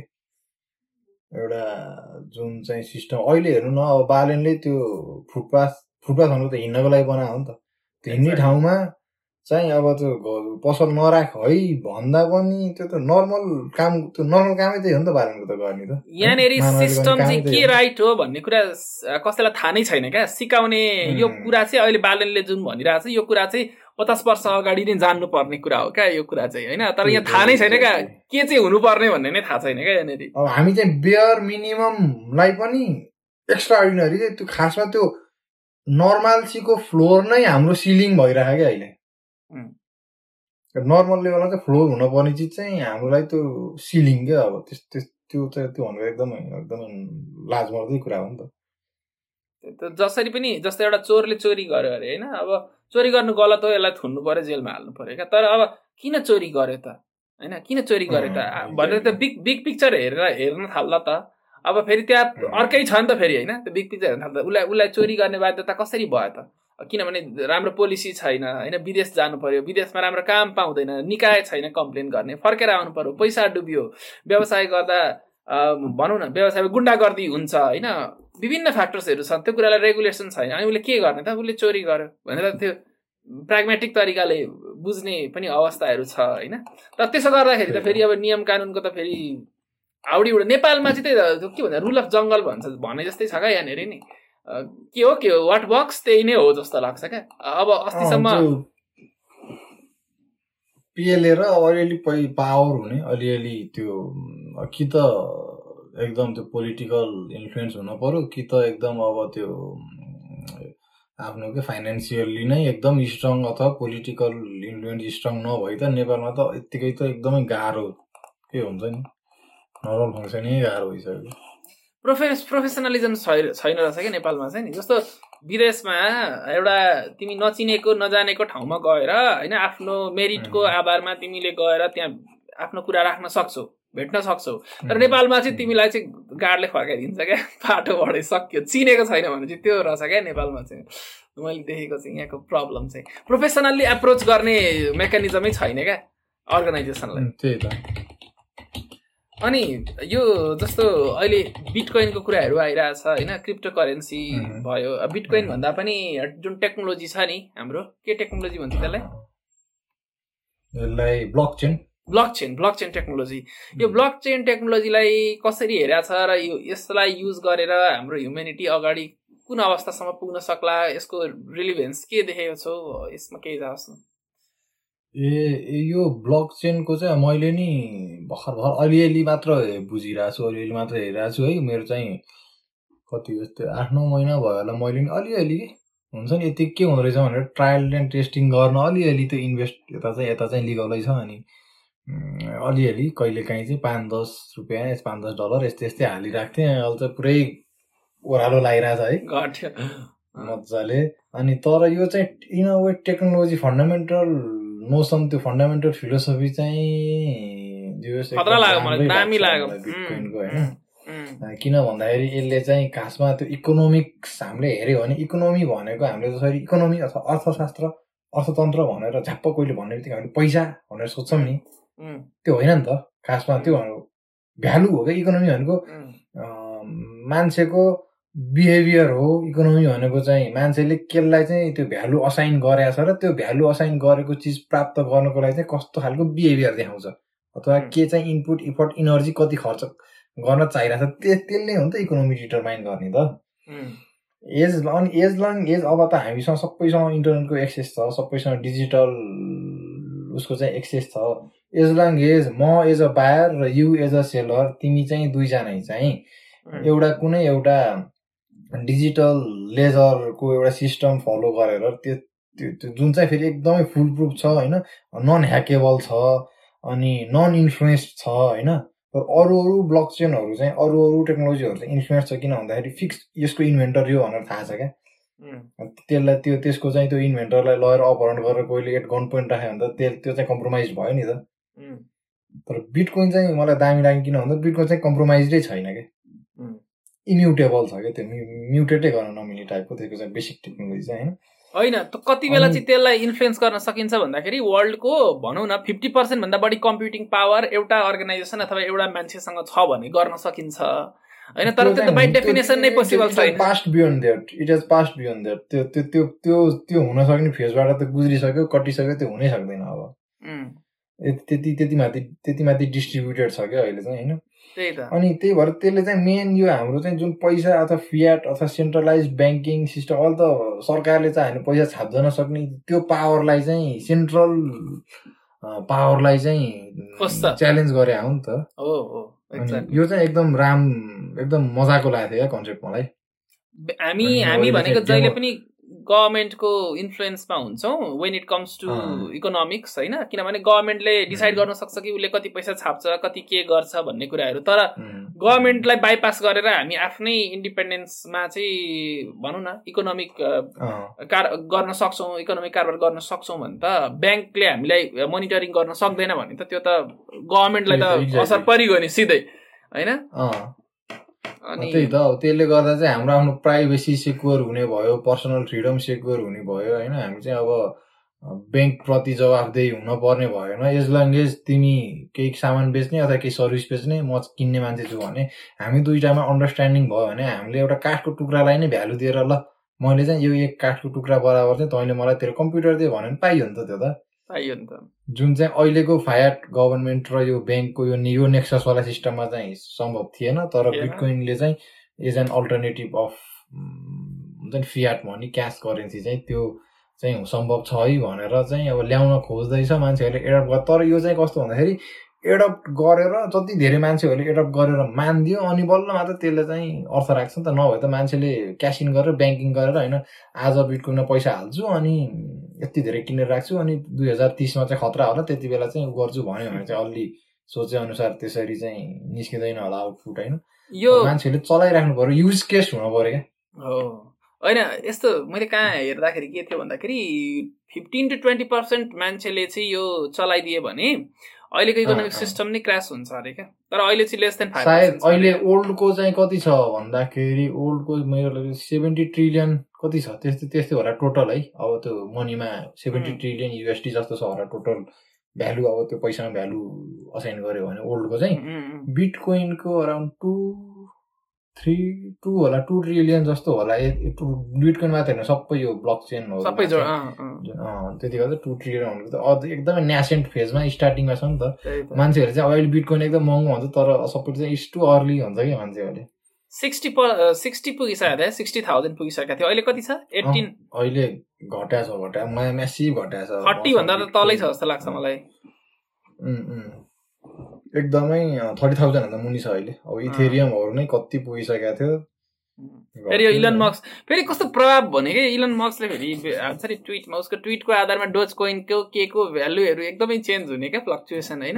त्यो डज कोइनहरू त तिनीहरू मस्कै हो भनौँ न अब त्यो जे तिनीहरूकै हो। त्यो त एउटा मिम कोइन बनायो हो जोक कोइन क्या मिम कोइन हो त्यो त होइन? त्यहाँ पनि मान्छे त्यो पैसा मान्छेहरूले त्यसमा भ्यालु देखेर पैसा हालिदिएपछि अब त्यो चल्नेन हो। चल्नेन हो त्यही त। तर डज कोइनहरू चाहिँ अब त्यो मिम कोइन छ तिनीहरूको युज केस त्यस्तो अब छैन। त्यो बेस्ट चाहिँ त्यो बिटकोइनै हो गोल्ड स्ट्यान्डर्ड चाहिँ बिटकोइनै हो। ल अब यो कन्भर्सेसनलाई भनौँ न कन्क्लुजनतिर लानुपर्छ होइन। लाँदाखेरि चाहिँ मलाई चाहिँ यो सेल्फिस जिनको बारेमा अलिकति डिटेलमा केही भनिदिए राम्रो हुन्थ्यो जस्तो लाग्छ। सेल्फिस जिन भनेको के हो? जस्तो सेल्फिस जिन भनेको जिन चाहिँ सेल्फिस भएर काम गर्छ भन्ने खालको मिनिङ जान्छ होइन। यस्तो लिटरल मिनिङ हो कि होइन कि के हो? लिटरल लिटरल मिनिङ त खासमा हेरी अहिले त्यो डकिन्सले नै त्यो एडमिट गर्छ नि। मैले सायद त्यति बेला द सेल्फिस जिन भनेर त्यो राख्नु हुनु रहेछ कि? टाइटल बुकको भन्ने कुरा आएको थियो कि? अस्ति मैले त्यो लरेन्स क्रससँग पोडकास्ट हुँदा त्योमा पनि त्यही भन्दै थियो होइन। तर त्यो त्यो जसरी भने पनि मेन यसको सेल्फिस द सेल्फिस जिनको मेन थेसिस भनेको के हो भन्दाखेरि चाहिँ स्पेसिसहरू अथवा लिभिङ बिङ्सहरूको चाहिँ at the core of them होइन? तिन हरेक उनीहरूले देखाउने बिहेभियर उनीहरूले गर्ने हरेक कुरा उनीहरूको मेटिङ स्ट्राटेजी उनीहरूको फिडिङ हेबिट्स उनीहरूको चाहिँ जोग्राफिक क्लाइमेट अथवा इन्भाइरोमेन्टसँग चाहिँ कोप हुनको लागि हुने सपोज कुनैको बाक्लो छाला पातलो छाला जेसुकै होस् त्यो हुनु चाहिँ केले डिटरमाइन गरेको हो अरे भन्दाखेरि त्यसको जिन जिन चाहिँ सधैँ नेक्स्ट जेनेरेसनमा चाहिँ प्रोपागेट हुन खोज्छ प्रसारित हुन खोज्छ एउटा अणु चाहिँ जिन चाहिँ चाहिँ नेक्स्ट जेनेरेसनमा जान खोज्छ त्यही जिनलाई चाहिँ जसरी योभन्दा अघिल्लो जेनेरेसनमा पास ट्रान्सफर हुन चाहिँ फाइदा भयो। हरेक जिन जिनको त्यो एउटा इफेक्टले गरेर त्यो अर्गानिजमले त्यस्तै त्यस्तै बिहेभियर त्यस्तै त्यस्तै प्रोपर्टी चाहिँ देखाउँदै जान्छ भन्ने बेसिक फन्डामेन्टल नै त्यही हो अब सेल्फी जिनको त्यही भएर चाहिँ जिन भनेको स्वार्थी हुन्छ it doesn't care about anything else and it cares about itself and how it can replicate and sustain long in the future भनेर चाहिँ त्यो त्यो आधारमा चाहिँ सेल्फिस जिन भन्दै हो। अब त्यो चाहिँ अब झप्पै हेर्दाखेरि चाहिँ सेल्फिस स्वार्थी होइन। तर त एउटा सेन्टिएन्ट अर्ग्यानिजमको जस्तो सेल्फिसनेस भन्न खोज्या होइन। होइन होइन त्यस्तो त कुनै हिसाबमा होइन। त्यही भएर किन भन्दाखेरि म्युटेसन इभोल्युसन भनेको टेलियोलोजिकल भन्छ नि। टेल हेरेर के त्यो पुच्छर हेरेर अथवा एन्डमा यो छ भनेर गोल ओरिएन्टेड प्रोसेस होइन क्या खासमा। त्यो देखिने मात्र हो क्या। हामीले अब्जर्भ गरेर चाहिँ त्यो म्युटेट भएर त्यस्तो जिन आएर ए त्यस्तो अर्गान बन्यो भनेर पछि इन रेट्रोस्पेक्ट पो थाहा पाउने कुरा हो त। तर त्यस्तो थाहा पाउने भयो त गोल ओरिएन्टेड हो भने त अब एक हजार वर्षपछि चाहिँ एउटा कुनै स्पेसिस कस्तो हुन्छ भनेर अहिले थाहा पाउन सक्नुपर्ने हो नि त। इभन ज त्यो त स्पेसिस ठुलो अर्गानिजम त के कुरा एउटा भाइरस जब एक महिनापछि म्युटेट भएर के हुन्छ भनेर थाहा पाउन सकिँदैन होइन? भाइरस भनेको त इजिली त्यो कति बाह्र हजार बिस हजार किलोबाइट्सको हुन्छ त्यसको डेटा होइन? त्यति डेटा त हामीले एनालाइज गरेर यस्तो हुनसक्छ भनेर थाहा पाउन सक्दैनौँ भने त त्यो रुम टू हुन्छ नि त्यो एक्सप्लोर त कति छ कति छ नि त। तर चाहिँ त्यो एन्ड हेरेर भन्दा नि त्यो रेट्रोसेक्टमा हेरेर थाहा पाउने तर ओभरअल हामीले हेर्दाखेरि के देख्छ भन्दाखेरि जिनले नै अब सपोज एक्सटेन्डेड फिनोटाइपको कुरा गर्छ नि होइन? कोइलीले कागको गुणमा आएर अन्डा पारिदिनु भनेको क्या? फेसिनेटिङ छ नि त कुरा होइन? आफ्नो घर नभने अब कागको घरमा गएर अन्डा पारेर पनि कोइलीले चाहिँ आफ्नो जिन बचाइरहेको छ। खासमा कोइलीले आफ्नो जिन होइन क्या कोइलीको जिनले चाहिँ कोइलीको त्यो शरीर चाहिँ भेसल बना हो भन्छ क्या। यो- थ्योरीबाट हेर्दा चाहिँ सपोज अनि हामीले वेटको कुरा गर्छौँ नि हामीले खासमा रिडिड मान्छेहरूले चाहिँ रियल्ली हाम्रो गहुँ धानहरू चाहिँ डोमेस्टिकेट गरे हो कि गहुँ धानले चाहिँ मान्छे डोमेस्टिकेट गरे हो। त्यही त उनीहरूको बढाइरहेको छौँ हामी त। होइन जिन चाहिँ एउटा जेनेरेसनबाट अर्को जेनेरेसनमा लगिदिरहेको छ त नभए त्यो वाइल्डमा हुन्थ्यो के के हुन्थ्यो। सायद कोप गर्न सक्थेन होला। हामीले त अझै कसरी राम्रो कोप गर्छ कसरी राम्रो बिउ बनाउँछ कसरी राम्रो बिजन बनाउँछ कसरी राम्रो फ्रुट र त्यो दाना प्रड्युस गर्छ त्यही त्यही गरेर हामी त बचाइदिरहेको छौँ कि उनीहरूले। उम्, उम्। त्यही भएर हु टेम्ड हु भने जस्तो हो क्या त्यो अब। मान्छेले चाहिँ धान चाहिँ टेम गरे हो कि? धानले मान्छे टेम गरे हो होइन? क्या त्यो त्यो पनि कस्तो मजाको छ यो कन्सेप्ट पनि। सेल्फिजिनले भन्ने कन्सेप्ट नै हो यो। अनि जस्तो डार्विनिजमको अ, कुरा गर्दाखेरि चाहिँ यो जुन पर्सनिफिकेसन अफ डार्विनिजम आउँछ नि जस्तो डार्विनिजमको एउटा सेन्ट्रल कन्सेप्ट के छ भन्दाखेरि सर्भाइभल अफ द फिटेस्ट भन्छ नि। अब हामीले यो सर्भाइभल अफ द फिटेस्ट लाई चाहिँ सोसाइटीमा हामी कसरी बाँच्नुपर्छ भन्ने कुरामा सर्भाइभल अफ द फिटेस्टको कन्सेप्ट ल्याएर राख्न थाल्यौँ। भने त हाम्रो सोसाइटी त एकदम टेरिबल प्लेस हुन्छ बाँच्नको लागि भनेर मान्छेले चाहिँ यो डार्विनिजमको क्रिटिसिजम गर्छन् नि सोसियल थ्योरी होइन अथवा साइन्सकै अँ, अथवा बायोलोजीकै गर्छन् नि यसमा के छ? त्यो त अब हामी अब त्यसरी नै जे जे कुरालाई नै डिरेक्टली मान्छेको बिहेभियरसँग मान्छेको सोसियल उसँग इम्प्लिकेसनसँग डिरेक्टली रिलेट गरिदियौँ भने त सिधै हामी नाची भइहाल्यौँ नि त होइन? त जिउस होस् त्यही भएर युआर लेसर होइन? त चाहिँ जेनेटिकली नै कम छस् त्यही भएर त you do not deserve to live भनेर त अब त्यो मास जिनोसाइड गरे जस्तै भइहाल्यो नि होइन. त्यही भएर त त्यो लाइन ड्र गरेर हामीले त त्यसको बेसिक फन्डामेन्टल फिलोसफी पो हेर्ने हो त होइन? हामीले हामीले अप्लाई गर्ने सोसियल थ्योरी होइन डार्विनिजम भनेको। नेचरमा कसरी हुन्छ. अर्गानिजमको इभोल्युसन त्यसको एउटा स्टडी हो होइन? Exactly. At the species level कस्तो हुन्छ? हो त डार्विनियनको डार्विनको उसमा फन्डामेन्ट्समा त्यसको चाहिँ उसमा बेस भएर हेर्न मिल्ने अरू कुराहरू पनि होला सायद होइन? जस्तो. कि अब मान्छेहरूले चाहिँ कसरी बिहेभ गर्छन् अथवा मान्छेहरूको सपोज कुनै एउटा रोगको उपचार गर्नु छ अथवा हुन्छ नि एउटा यस्तो खालको सिनेरीमा चाहिँ मान्छेको रियाक्सन कस्तो हुन्छ भनेर त्यसरी एउटा सेगमेन्टेड सेगमेन्टेड फर्ममा चाहिँ युज गर्न मिल्ला तर एट लार्ज एउटै डालोमा हालेर होइन अब डार्विनको थ्योरी लाउनुपर्छ त्यो भन्दा जसले जसलाई बलियो बाङ्गोले पिट्दै हिँडे भयो त होइन? होइन डा बायो प्योरली बायोलोजिकल प्रोसेस मात्र हो भनेर त मानिदियो भने त अलि जिम सिम गरेको हट्टाकट्टा मान्छेले त अलि लुलो मान्छेलाई त पिट्दै हिँडेर मार्दै हिँडे भयो त होइन त्यो त। भनेपछि यही कुरालाई हेर्ने हो भने जस्तो यही कुरालाई रिफरेन्स लिएर हेर्दाखेरि चाहिँ यहाँ यस्तो पनि देखियो नि त कि हामीले चाहिँ साइन्स ने- साइन्स भनेको चाहिँ नेचर कसरी काम गर्छ भनेर बुझ्नलाई हामीलाई हाम्रो हाम्रो एउटा टुल्स हो अथवा मेथड हो होइन नेचर बुझ्नलाई कसरी यसले काम गर्छ भनेर बुझ्नलाई। तर when it comes to living our life in the society होइन हामी कसरी बाँच्नुपर्छ कसरी बिहेभ गर्नुपर्छ भन्ने कुरामा चाहिँ साइन्सले हामीलाई एन्सर दिन सक्दैन भनेर साइन्टिफिकको एउटा लिमिटेसनको रूपमा पनि यसलाई हेर्न सक्यो नि त अनि what you think about this हो एकदम एकदम त्यो ट्रु हो तर त्यही भन्दै गर्दाखेरि होइन science can guide us into हुन्छ नि लिभिङ मोरल मोरल पाथमा कसरी लान सक्छ त? Hmm. मोरल पाथमा चाहिँ डिफाइन पुरै हन्ड्रेड पर्सेन्ट डिफाइन गरेर ब्लु प्रिन्ट चाहिँ दिन सक्दै सक्दैन जस्तो लाग्छ मलाई साइन्स साइन्सले होइन? बट देन हामीलाई गाइड गर्न डिरेक्सन चाहिँ दिन सक्दैन कि? सक्छ क्या? म्याप एक्ज्याक्ट म्याप बनाउदिन सक्दैन। तर डिरेक्सन डिरेक्सन दिने बोर्डहरू हुन्छ नि बाटोमा। त्यो बोर्डहरू चाहिँ साइन्सले चाहिँ दिन सक्छ। जस्तो कि हजुरले रोबर्ट सापोल्स्की भन्ने एकजना इन्डोक्रिनोलोजिस्ट प्राइमेटोलोजिस्ट छन् अनि उनले चाहिँ उनले पनि यो सायद बि नाम सुन्नु हजुरलाई बिहेभ भन्ने किताब छ एउटा होइन त्यसमा चाहिँ त्यो किताबको मेन थेसिस चाहिँ के छ भन्दा मान्छेमा हुने अल्ट्रुइस्टिक क्यारेक्टर अथवा मान्छे चाहिँ सबभन्दा राम्रो हुन सक्ने र सबभन्दा नराम्रो हुन सक्ने त्यो दुईटा प्रोपर्टी बिचको चाहिँ दुईटा प्रोपर्टी पछाडिको चाहिँ बायोलोजिकल बेसिस के छ त भनेर उसले अध्ययन गरेको छ लामो समयसम्म इभन. प्राइमेटोलोजिस्ट पनि हुन् तिस पैँतिस वर्षसम्म. बबुन्स चिम्पान्जीहरूमा चाहिँ अध्ययन गरेर अनि हर्मोनल इफेक्टहरू होइन इन्डोक्रिनोलोजी सेलुलर मोलिकुलर इफेक्टहरू अध्ययन गर्दै गर्दा त्यसलाई चाहिँ मान्छेमा पनि यस्तो यस्तो हुनसक्छ भनेर त्यो सिमिल्यारिटिजहरू चाहिँ एक्स्ट्रापुलेट गरेर लेखाएको छ कि एउटा किताब बिहेभ भन्ने। अनि त्यसमा चाहिँ के भन्छ भन्दा हाम्रो कोही मान्छे पनि क्रिमिनल युएर बर्न क्रिमिनल भन्छ नि कसैले।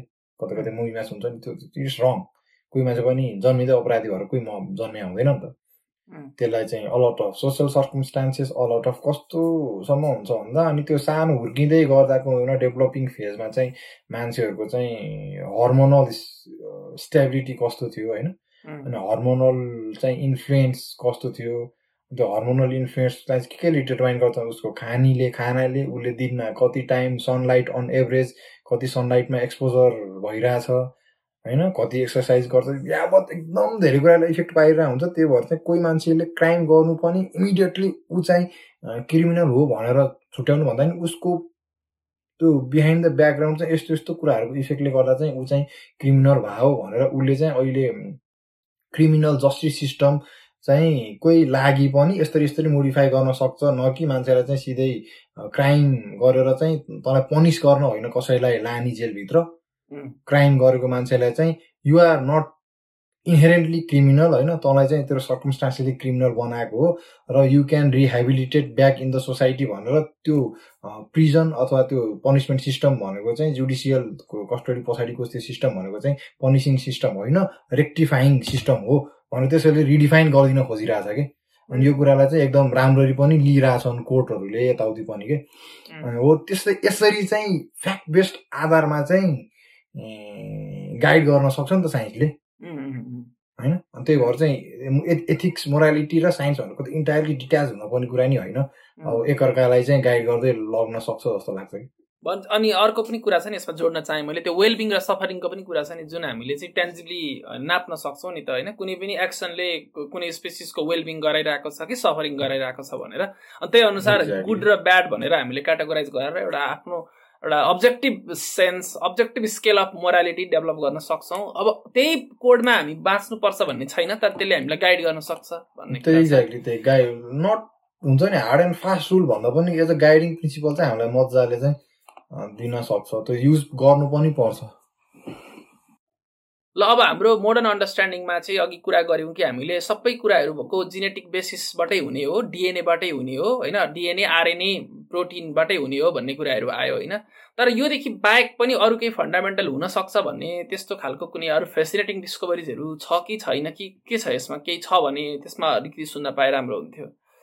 अँ अँ यो क्वेसन यो एकदम यो एकदम इन्ट्रेस्टिङ क्वेसन गर्यो यार। त्यसमा चाहिँ अहिले रिसेन्टली भन्दा नि लेटेस्ट केही वर्षदेखि चाहिँ टफ्ट्स युनिभर्सिटीको एकजना प्रोफेसर हुनुहुन्छ माइकल लेभिन भन्ने अनि उहाँको ल्याबमा चाहिँ नयाँ खालको एकदमै बायोलोजिकलको फन्डामेन्टल डोगमालाई नै च्यालेन्ज अथवा ए नट इफ च्यालेन्ज चाहिँ त्योभन्दा अल्टरनेटिभ केही मेकानिजम पनि हुनसक्छ है।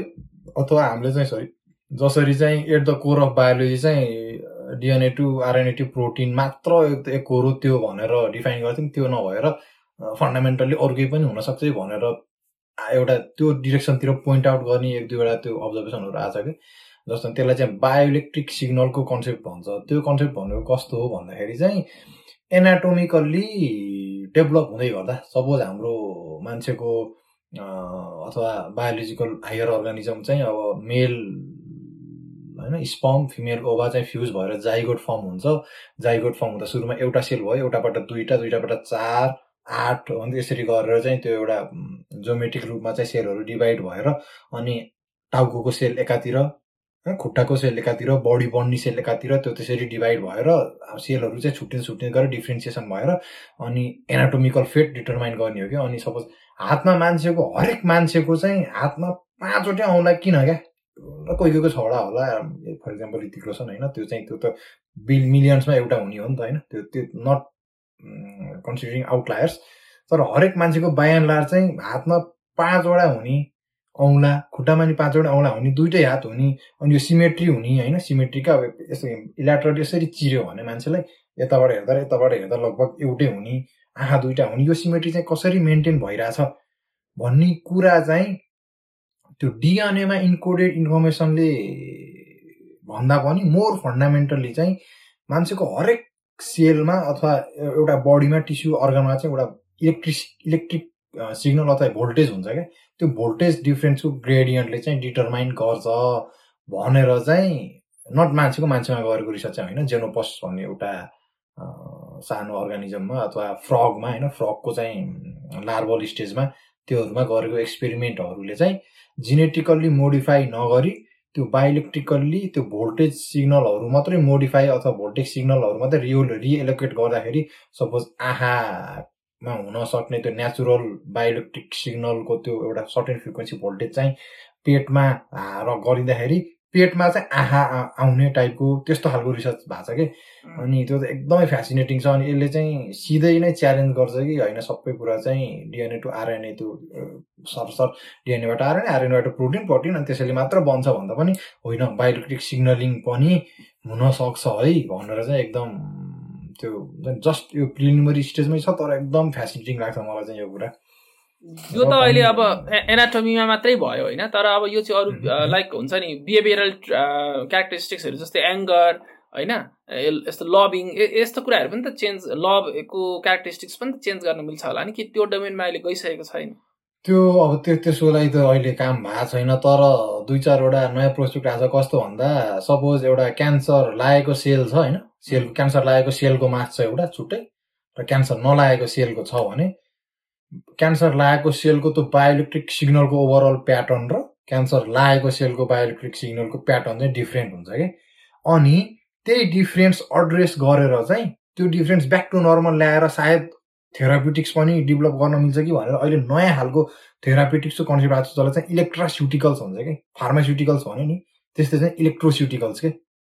इलेक्ट्रिसिटी युज गरेर चाहिँ थेरापी गर्ने। अब त्यस्तो त्यस्तो नयाँहरू एकदम यो भनेको एकदम हाई एन्ड भर्खर इमर्जिङ कन्सेप्टहरू हो यसको लागि अझै दस पन्ध्र वर्षमा चाहिँ केही अझै डेफिनेटिभली केही थाहा हुन्छ होला। एट द फ्रन्ट एन्ड चाहिँ यो छ एउटा। अनि मलाई अर्को एउटा फेसिनेटिङ लाग्ने कन्सेप्ट भनेको चाहिँ लाइफ फर्म कहीँ छ हुन्छ नि? स्पेसमै लाइफ फर्म छ। अथवा लाइफ फर्मलाई चाहिँ डिफाइ तिमीले भन्यो नि डिटरमाइन गर्ने के हुनसक्छ लाइफ फर्म र नन लिभिङ र नन लिभिङको छुट्याउने एउटा आधार। यो आधार छुट्याउनुको लागि चाहिँ एउटा एसेम्ब्ली थ्योरी भन्ने छ कि होइन? यो चाहिँ ग्लासगो युनिभर्सिटीको एकजना प्रोफेसर छ लिरो क्रोनिन भन्ने उसको चाहिँ उसले चाहिँ उसको ल्याब चाहिँ डिजिटल केमिस्ट्री है. एकदम नयाँ त्यो सायद कोहीले पनि सुनेको पनि हुँदैन। तर डिजिटल केमिस्ट्रीमा काम गर्छ उसले फन्डामेन्टल यो बायो बायोकेमिस्ट हो होइन. तर डिजिटल केमिस्ट्रीमा गर्छ उसले चाहिँ के उसले चाहिँ भर्खर नेचरमा पब्लिस गरेको मैले सायद सेयर पनि गरेको थिएँ होला पहिला ग्रुपमा है. अनि त्यसमा चाहिँ के भन्छ भन्दाखेरि हरेक एउटा मोलिक्युलको चाहिँ एउटा इन्डेक्स हुन्छ क्या होइन सपोज होइन एउटा मोलिक्युलको चाहिँ इन्डेक्स अब सिम्पल एकदम हाइड्रोजनको त्यो इन्डेक्समा चाहिँ वान छ भ्यालु भने. अलिक कम्प्लेक्स मोलिकुल सपोज ग्लुकोज भनेको त छवटा कार्बन होइन यताउति अक्सिजन टन्नै. मोलिकुल कम्प्लिकेटेड मोलिकुल भयो नि। अब ग्लुकोजको चाहिँ सपोज अब थर्टी फाइभ भइदियो सपोज है हाइड्रोजनको वान ग्लुकोजको थर्टी फाइभ भइदियो त्यो इन्डेक्समा त्यो नम्बर भने अझै कम्प्लेक्स अझै कम्प्लेक्स अझै कम्प्लेक्स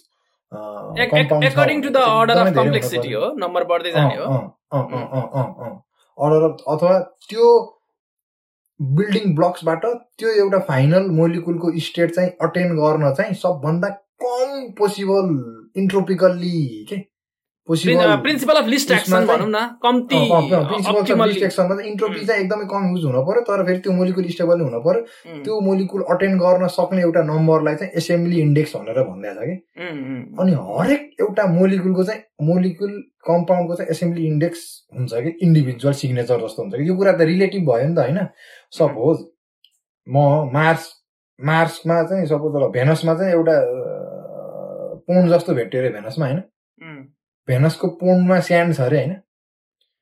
अनि भेनसको पोन्डमा स्यान्ड छ भेनसको पोन्डको स्यान्ड ल्याएँ मैले होइन। त्यो स्यान्डको एसेम्ब्ली स्यान्डको हुने स्यान्डमा हुने कम्पाउन्ड अथवा स्यान्डकै भनौँ न एज अ सिस्टमको चाहिँ त्यो एसेम्ब्ली नम्बर एउटा हुन्छ होइन। तर त्यही पोन्डमा चाहिँ एउटा चियाको ग्लास भेट्यो अरे सपोज। भने त त्यो चियाको ग्लास त त्यसको एसेम्ब्ली नम्बर छुट्टै हुन्छ नि त। होइन? चियाको ग्लासलाई चाहिँ अझै बढी कम्प्लिकेटेड प्रोसेसबाट आउनु पऱ्यो नि त त्यो त। होइन? अनि त्यो भनेको के हो भन्दाखेरि नेचुरल्ली भेट्टाउने कम्पाउन्डहरूको अब त्यो त्यसले चाहिँ अब यसको यही थ्योरी अनुसार के हो भन्छ भन्दाखेरि नेचुरल्ली भेट्टाउने कम्प कम्पाउन्डहरूको चाहिँ अब अझै स्पेस एक्सप्लोरेसनको टेक्नोलोजी बढी युज हुँदै गएपछि ऱ्यान्डम स्याम्पलिङ गरेर हामीले इन अ वे युनिभर्समा चाहिँ युनिभर्सल बाई एन्ड लार्ज होमोजिनसै छ नि त होइन? उम्, होमोजिनस छ त्यही भएर हामीले भेटाउन सक्ने जति सबै कुराको चाहिँ मोलिकुल कम्पाउन्डको चाहिँ एसेम्ब्ली इन्डेक्स चाहिँ हामीले एउटा पिरियडिक टेबल जस्तो असेम्ब्ली इन्डेक्स टेबल चाहिँ बनाउन सक्छौँ कि होइन? बट देन यदि नयाँ कुरा केही भेटियो भने त त्यसको चाहिँ त्योभन्दा डेभिएट भएर आउने भयो नि त एसेम्ब्ली. नम्बर अथवा होइन?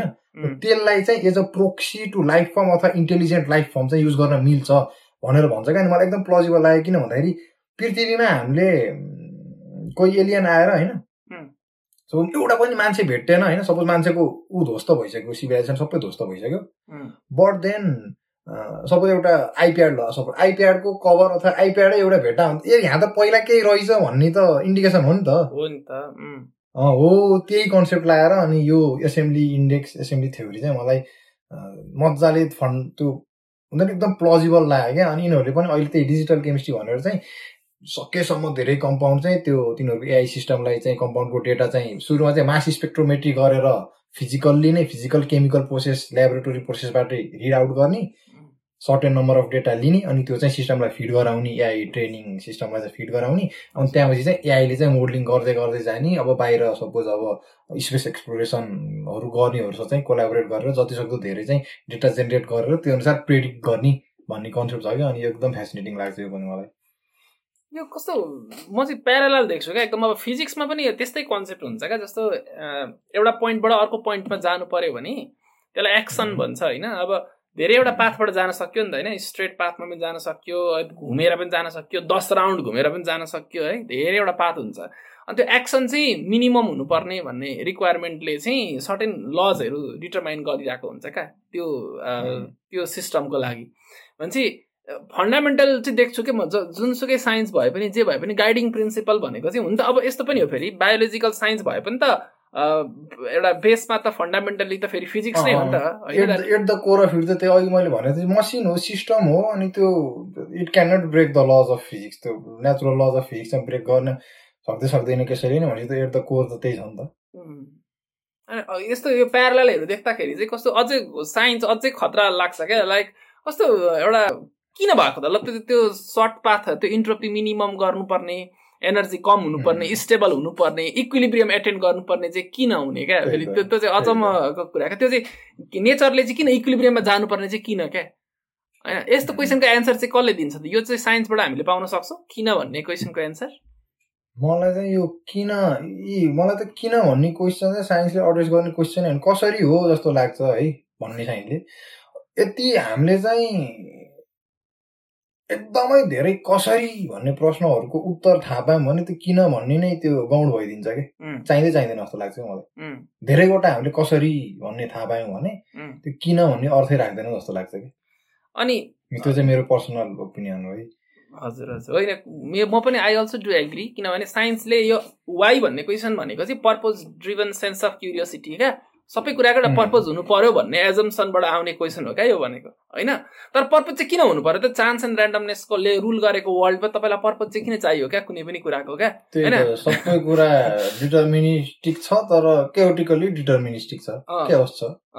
होइन? जस्तो अब फाइन ट्युनिङ आर्गुमेन्टको कुराहरू ल्याउँछ नि अब अर्थमा लाइफ कसरी आयो भन्ने कुरामा पनि किनभने यति धेरै अनलाइकली थियो नि त त्यो कुरा पनि त्यसरी हेर्ने हो भने त किनभने हामीले प्रोभाबिलिस्टिकली हेर्ने हो भने त एकदमै न्यून थियो नि त लाइफ स्टार्ट हुने। होइन किनभने हाम्रो लाइफ बन्नको लागि चाहिने चाहिने सर्टेन इसेन्सियल इन्ग्रिडियन्ट्सहरू थिए जुन एलिमेन्ट्सहरू चाहिँ स्टार्समा सिन्थेसाइज भएका थिए ती एलि अलिकति पनि तलमाथि भइदिएको भए होइन फ्रेक्सन अफ सेकेन्डले तलमाथि भइदिएको भए अर्कै एलिमेन्टहरूको सिन्थेसिस हुन्थ्यो र आज लाइफ फर्म हुँदैन थियो अथवा हुन्थ्यो भने पनि अर्कै फर्ममा हुन सक्थ्यो अथवा लाइफको डेफिनेसनै डिफ्रेन्ट हुन सक्थ्यो होला होइन?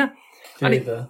यो कुरालाई हेर्दाखेरि चाहिँ जस्तो अब डु एलियन्स एक्जिस्ट भन्ने क्वेसनमा लगेर जोड्दाखेरि चाहिँ अब फिजिक्सबाट एक्जो प्लानेट्स खोज्ने अनि टेम्परेचरदेखि लिएर सर्टेन एटमोस्फियरदेखि लिएर यी कुराहरू त भयो। तर बायोलोजिकल्ली स्पिकिङ यदि कुनै प्लानेटमा एलियन एक्जिस्ट गर्छ भने कि अब अर्थको जस्तै अ, हामीलाई यो हुन्छ नि लाइक अक्सिजन चाहिनु पर्ने होइन अथवा कार्बन हुनुपर्ने भन्ने यस्तो रिक्वायरमेन्टहरू हुन्छ कि could that be different it could be different होइन तर फेरि त्यही अघि भने जस्तै त्यो बायोलोजिकल बिङ अथवा एउटा सेल्फ रेप्लिकेटिङ सिस्टम हुनैपर्छ होइन। सेल्फ रेप्लिकेटिङ सिस्टम जसरी होस् जसरी त्यो अर्कै मेकानिजम युज गरेर होस् तर रेप्लिकेसन हुनु पऱ्यो नि त। किन भन्दा त्यो जेनेरेट भइसक्नु पऱ्यो अथवा एकचोटि फर्म भयो त्यो सधैँको लागि बस्ने भन्ने त हुँदै होइन हुन्न होला होइन।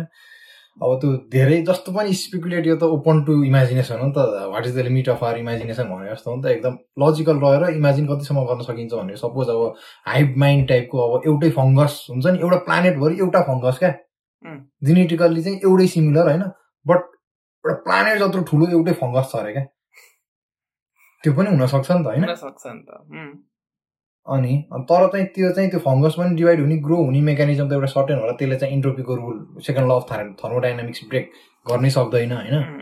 त्यही त्यही त्यही बेसिक फन्डामेन्टल कन्सटेन्ट्सभित्र रहेर हुनसक्यो सपोज हाम्रो चाहिँ हाम्रो कार्बन बेस्ड लाइफ छ अर्थमा भने नेक्स्ट बेस्ट क्यान्डिडेट भनेको चाहिँ के हुनसक्छ भन्दा सिलिकन हुनसक्छ सिम्पल एज द्याट होइन? सिलिकन त्यहाँ सिलिकन भन्दा अरू चाहिँ अब अलिक गाह्रै हुनसक्छ किन भन्दाखेरि फेरि त्यो इन्टेग्रिटी त्यो हुन्छ नि एउटा फर्मनेस हुन्छ नि लाइफको त्यो इन्टेग्रिटी एउटा त्यो अरू क्लोजर सिस्टम बनाउनु फेरि त्यो कार्बन कार्बन चाहिँ किन भयो भन्दा कार्बन चा भ्यालेन्स कस्तो मजाको छ नि त। यति धेरै एटमसँग जोडिदिन सकिन्छ चारवटा भ्यालेन्स अब सिलिकन चाहिँ फाइभ हो। अब फेरि फेरि त्यो बढी रियाक्टिभ पनि हुनु भ्यालेन्सी चार भएको त अरू पनि छन् नि त। तर फेरि रियाक्टिभिटी त्यसको त्यो हाम्रो युनिभर्सको त्यो युनिभर्समा फेरि त्यो इलिमेन्ट अथवा त्यो कम्पाउन्ड कति अभाइलेबल छ त्यो हेर्नु पऱ्यो त्यो एलिमेन्टको अभाइलेबिलिटी युनिभर्समा होइन त्यो सबै कुरा हेर्दाखेरि चाहिँ फाइन ट्युन चाहिँ कार्बन भयो होइन। हाम्रो उसको लागि अब त्यो सिलिकन पनि हुनसक्छ नेक्स्ट बेस्ट भयो भने। जस्तो अब अक्सिजनको सब्स्टिट्युटको कुरा गर्दाखेरि सिस्टमै छुट्टै अब प्रेसर त्यो त्यहाँको लोकलाइज लोकल सिस्टम चाहिँ एकदमै टेम्परेचर प्रेसरको डिफ्रेन्सले गर्दा अति नै डिफ्रेन्ट भएको छ भने अर्को पनि हुनसक्छ नहोला हुन सक्ने चान्स भएन अक्सिजनको कार्बन र सिलिकन अनि अक्सिजनको पनि कुरा गर्दाखेरि जस्तो अक्सिजनको सब्सटिट्युटमा नाइट्रोजनले पनि काम गर्न सक्छ नि। होइन? किनभने प्रोपर्टिज धेरै सिमिलर हुन्छ नाइट्रोजन र अक्सिजनको जस्तो एउटा ग्रान्ड डिजाइन छ भनेर भन्छन् नि होइन? जस्तो लाइक यति ब्युटिफुल क्रिएचर्सहरू आएको छ एक्जिस्टेन्समा होइन? ल यो एउटा नेचुरल प्रोसेस अफ इभोल्युसनले हुन्थ्यो भने यस्तो ब्युटिफुल किन हुन्थ्यो? त्यो ब्युटीको एलिमेन्ट किन आउँथ्यो यहाँनिर? अनि त्यस पछाडि जस्तो ह्युमेन आईकै कम्प्लेक्सिटीको बारेमा कुरा गरिन्छ कि यो यति कम्प्लेक्स छ होइन? एउटा नाथे एउटा सानो एउटा अर्ग्यान आईमै यति धेरै कम्प्लेक्सिटी छ भने यति धेरै कम्प्लेक्सिटी भएको एउटा फुल अर्ग्यानिजम होइन? जसमा ब्युटी पनि छ होइन? यस्ता कुराहरू पनि छन्। भनेपछि यो चाहिँ यो नेचुरल प्रोसेस अफ सिलेक्सनले हुनै सक्दैन यो चाहिँ ग्रान्ड डिजाइनले मात्रै पोसिबल छ भनेर भनिन्छ नि। त्यसमा चाहिँ के छ रिबटल अरे ब्युटी भनेर त हामीले डिफाइन गर्दै हो नि त होइन? ब्युटी भने त्यो ब्युटी भन्ने कन्सेप्टै पनि त्यही इभल्भ भएर आयो क्या ब्युटी केलाई ब्युटी भनिदिने होइन?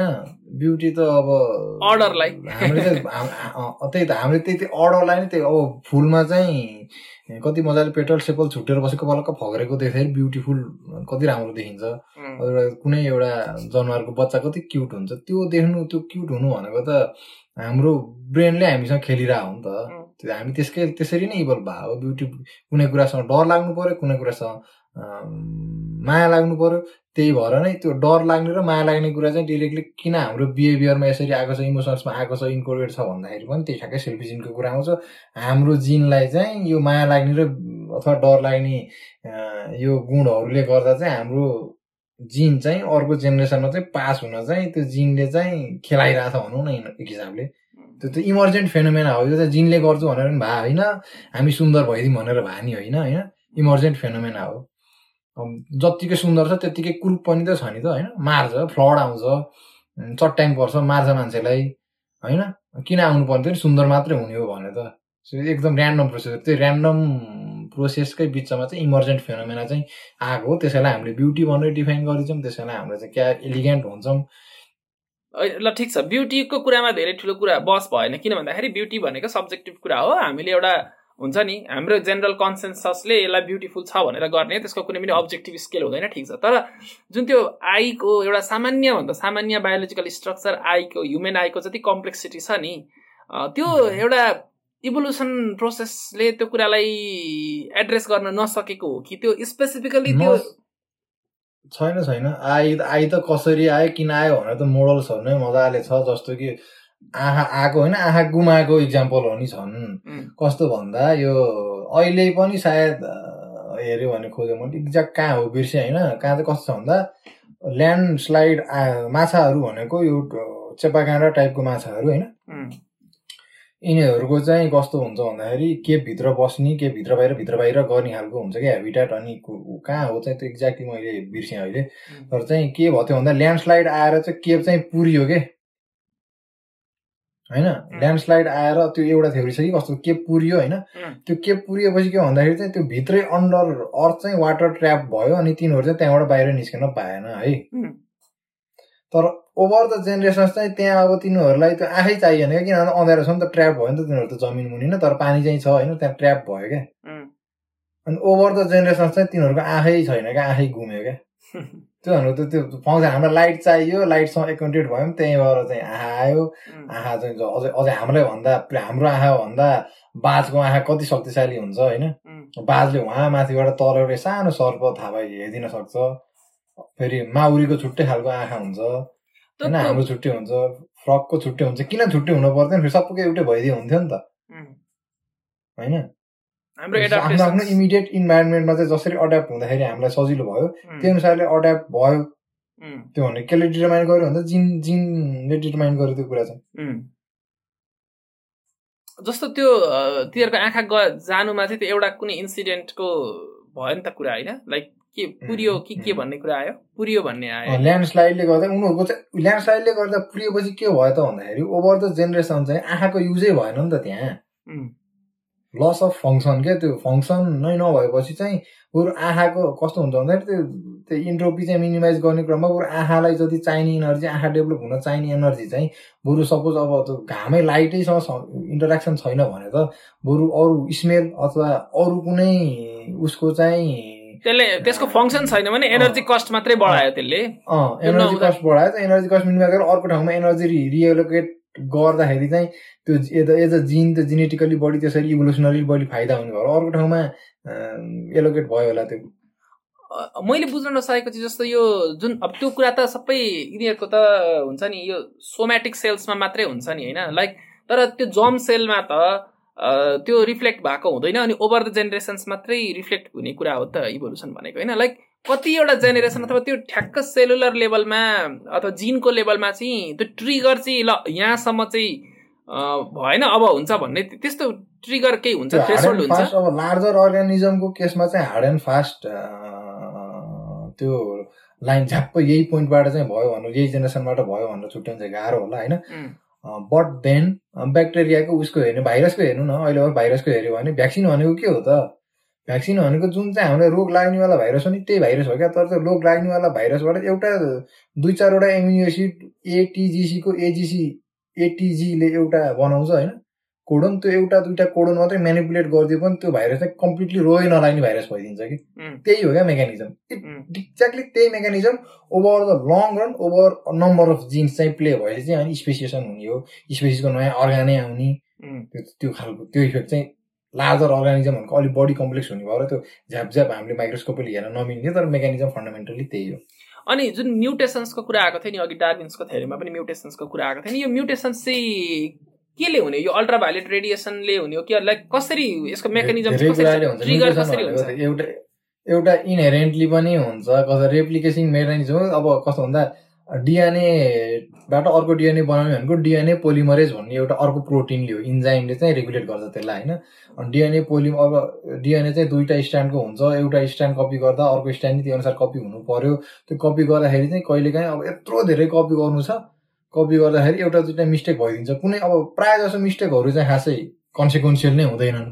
कुनै कुनै मिस्टेकहरू चाहिँ इफेक्ट आउँछ कि? एकदम एकदम त्यो इम्पोर्टेन्ट प्रोटिनहरू कोड गर्ने ठाउँमा मिस्टेक भयो भने चाहिँ त्यसले अब खराब असर देखाउने भयो। एउटा त्यस्तो भयो। अनि अरू त्यो चाहिँ कसरी हुन्छ भन्दाखेरि त्यो धेरै खालको मेकानिजम छ। कसरी अब सेल इनहेरेन्टली अब युभी रेडिएसनले गर्दा नि हुन्छ अरू कुनै केमिकलले नि गर्न सक्यो। त्यहाँबाट चाहिँ इनहेरेन्ट त्यो त्यो कपिङ मेकानिजमै रङ हुन सक्यो। अन्त कपिङ मात्रै होइन कपी गरेर प्रुफ रिड गर्ने मेकानिजम नि हुन्छ। फेरि त्यो प्रुफ रिड गर्ने मेकानिजमै कम्प्रोमाइज हुन सक्यो कतै। तर in a way at the core level चाहिँ डिएनए ड्यामेज डिएनए नै ड्यामेज हुने। त्यो कपी गर्ने बेलामै त्यो कपी नै गर्ने मेकानिजमै बिग्रियो फोटोकपी गरिरहेछ। मैले एउटा पेजमा केही लेखेर फोटोकपी गरिरहेको छु फोटोकपी गर्दा गर्दै अब लाइन नम्बर पाँचको छैटौँ शब्दको चाहिँ स्पेलिङै अर्को भएर आइदिन्छ कि? त्यस त्यस्तो चाहिँ आफै हुन्छ अब त्यो। कस्तो भन्दाखेरि त्यो मसिन बिग्रेको भनौँ न। फोटोकपी मसिन बिग्रेर त्यस्तो खालको भइदियो कि? र आज धेरै नै इन्ट्रेस्टिङ कन्भर्सेसन्सहरू भए। अब एकदमै रमाइलो डिस्कसन भयो। Thank you so much Subhash for being here अनि explaining this stuff to us धेरै कुराहरू धेरै कन्सेप्टहरू नबुझेको कुराहरू क्लियर भयो र आइएम स्योर कि अडियन्समा पनि धेरै यस्तो डाउटहरू क्लियर भयो। र थ्याङ्क यू सो मच हामीले यस्तो पोडकास्ट फेरि पनि गर्न पाऊँ पछि। Any final words if you want to say भाइनबाट त कुरा मजाको भयो इन्ट्रेस्टिङ भयो। अब त कति कुरा अब खै अब भनियो भन्न त अब त एक्सप्लेन गर्न खोजे पनि अब कति सक्यो कति सकेन आइडन्ट है कति कुरा त कम्प्लेक्सै भयो होला।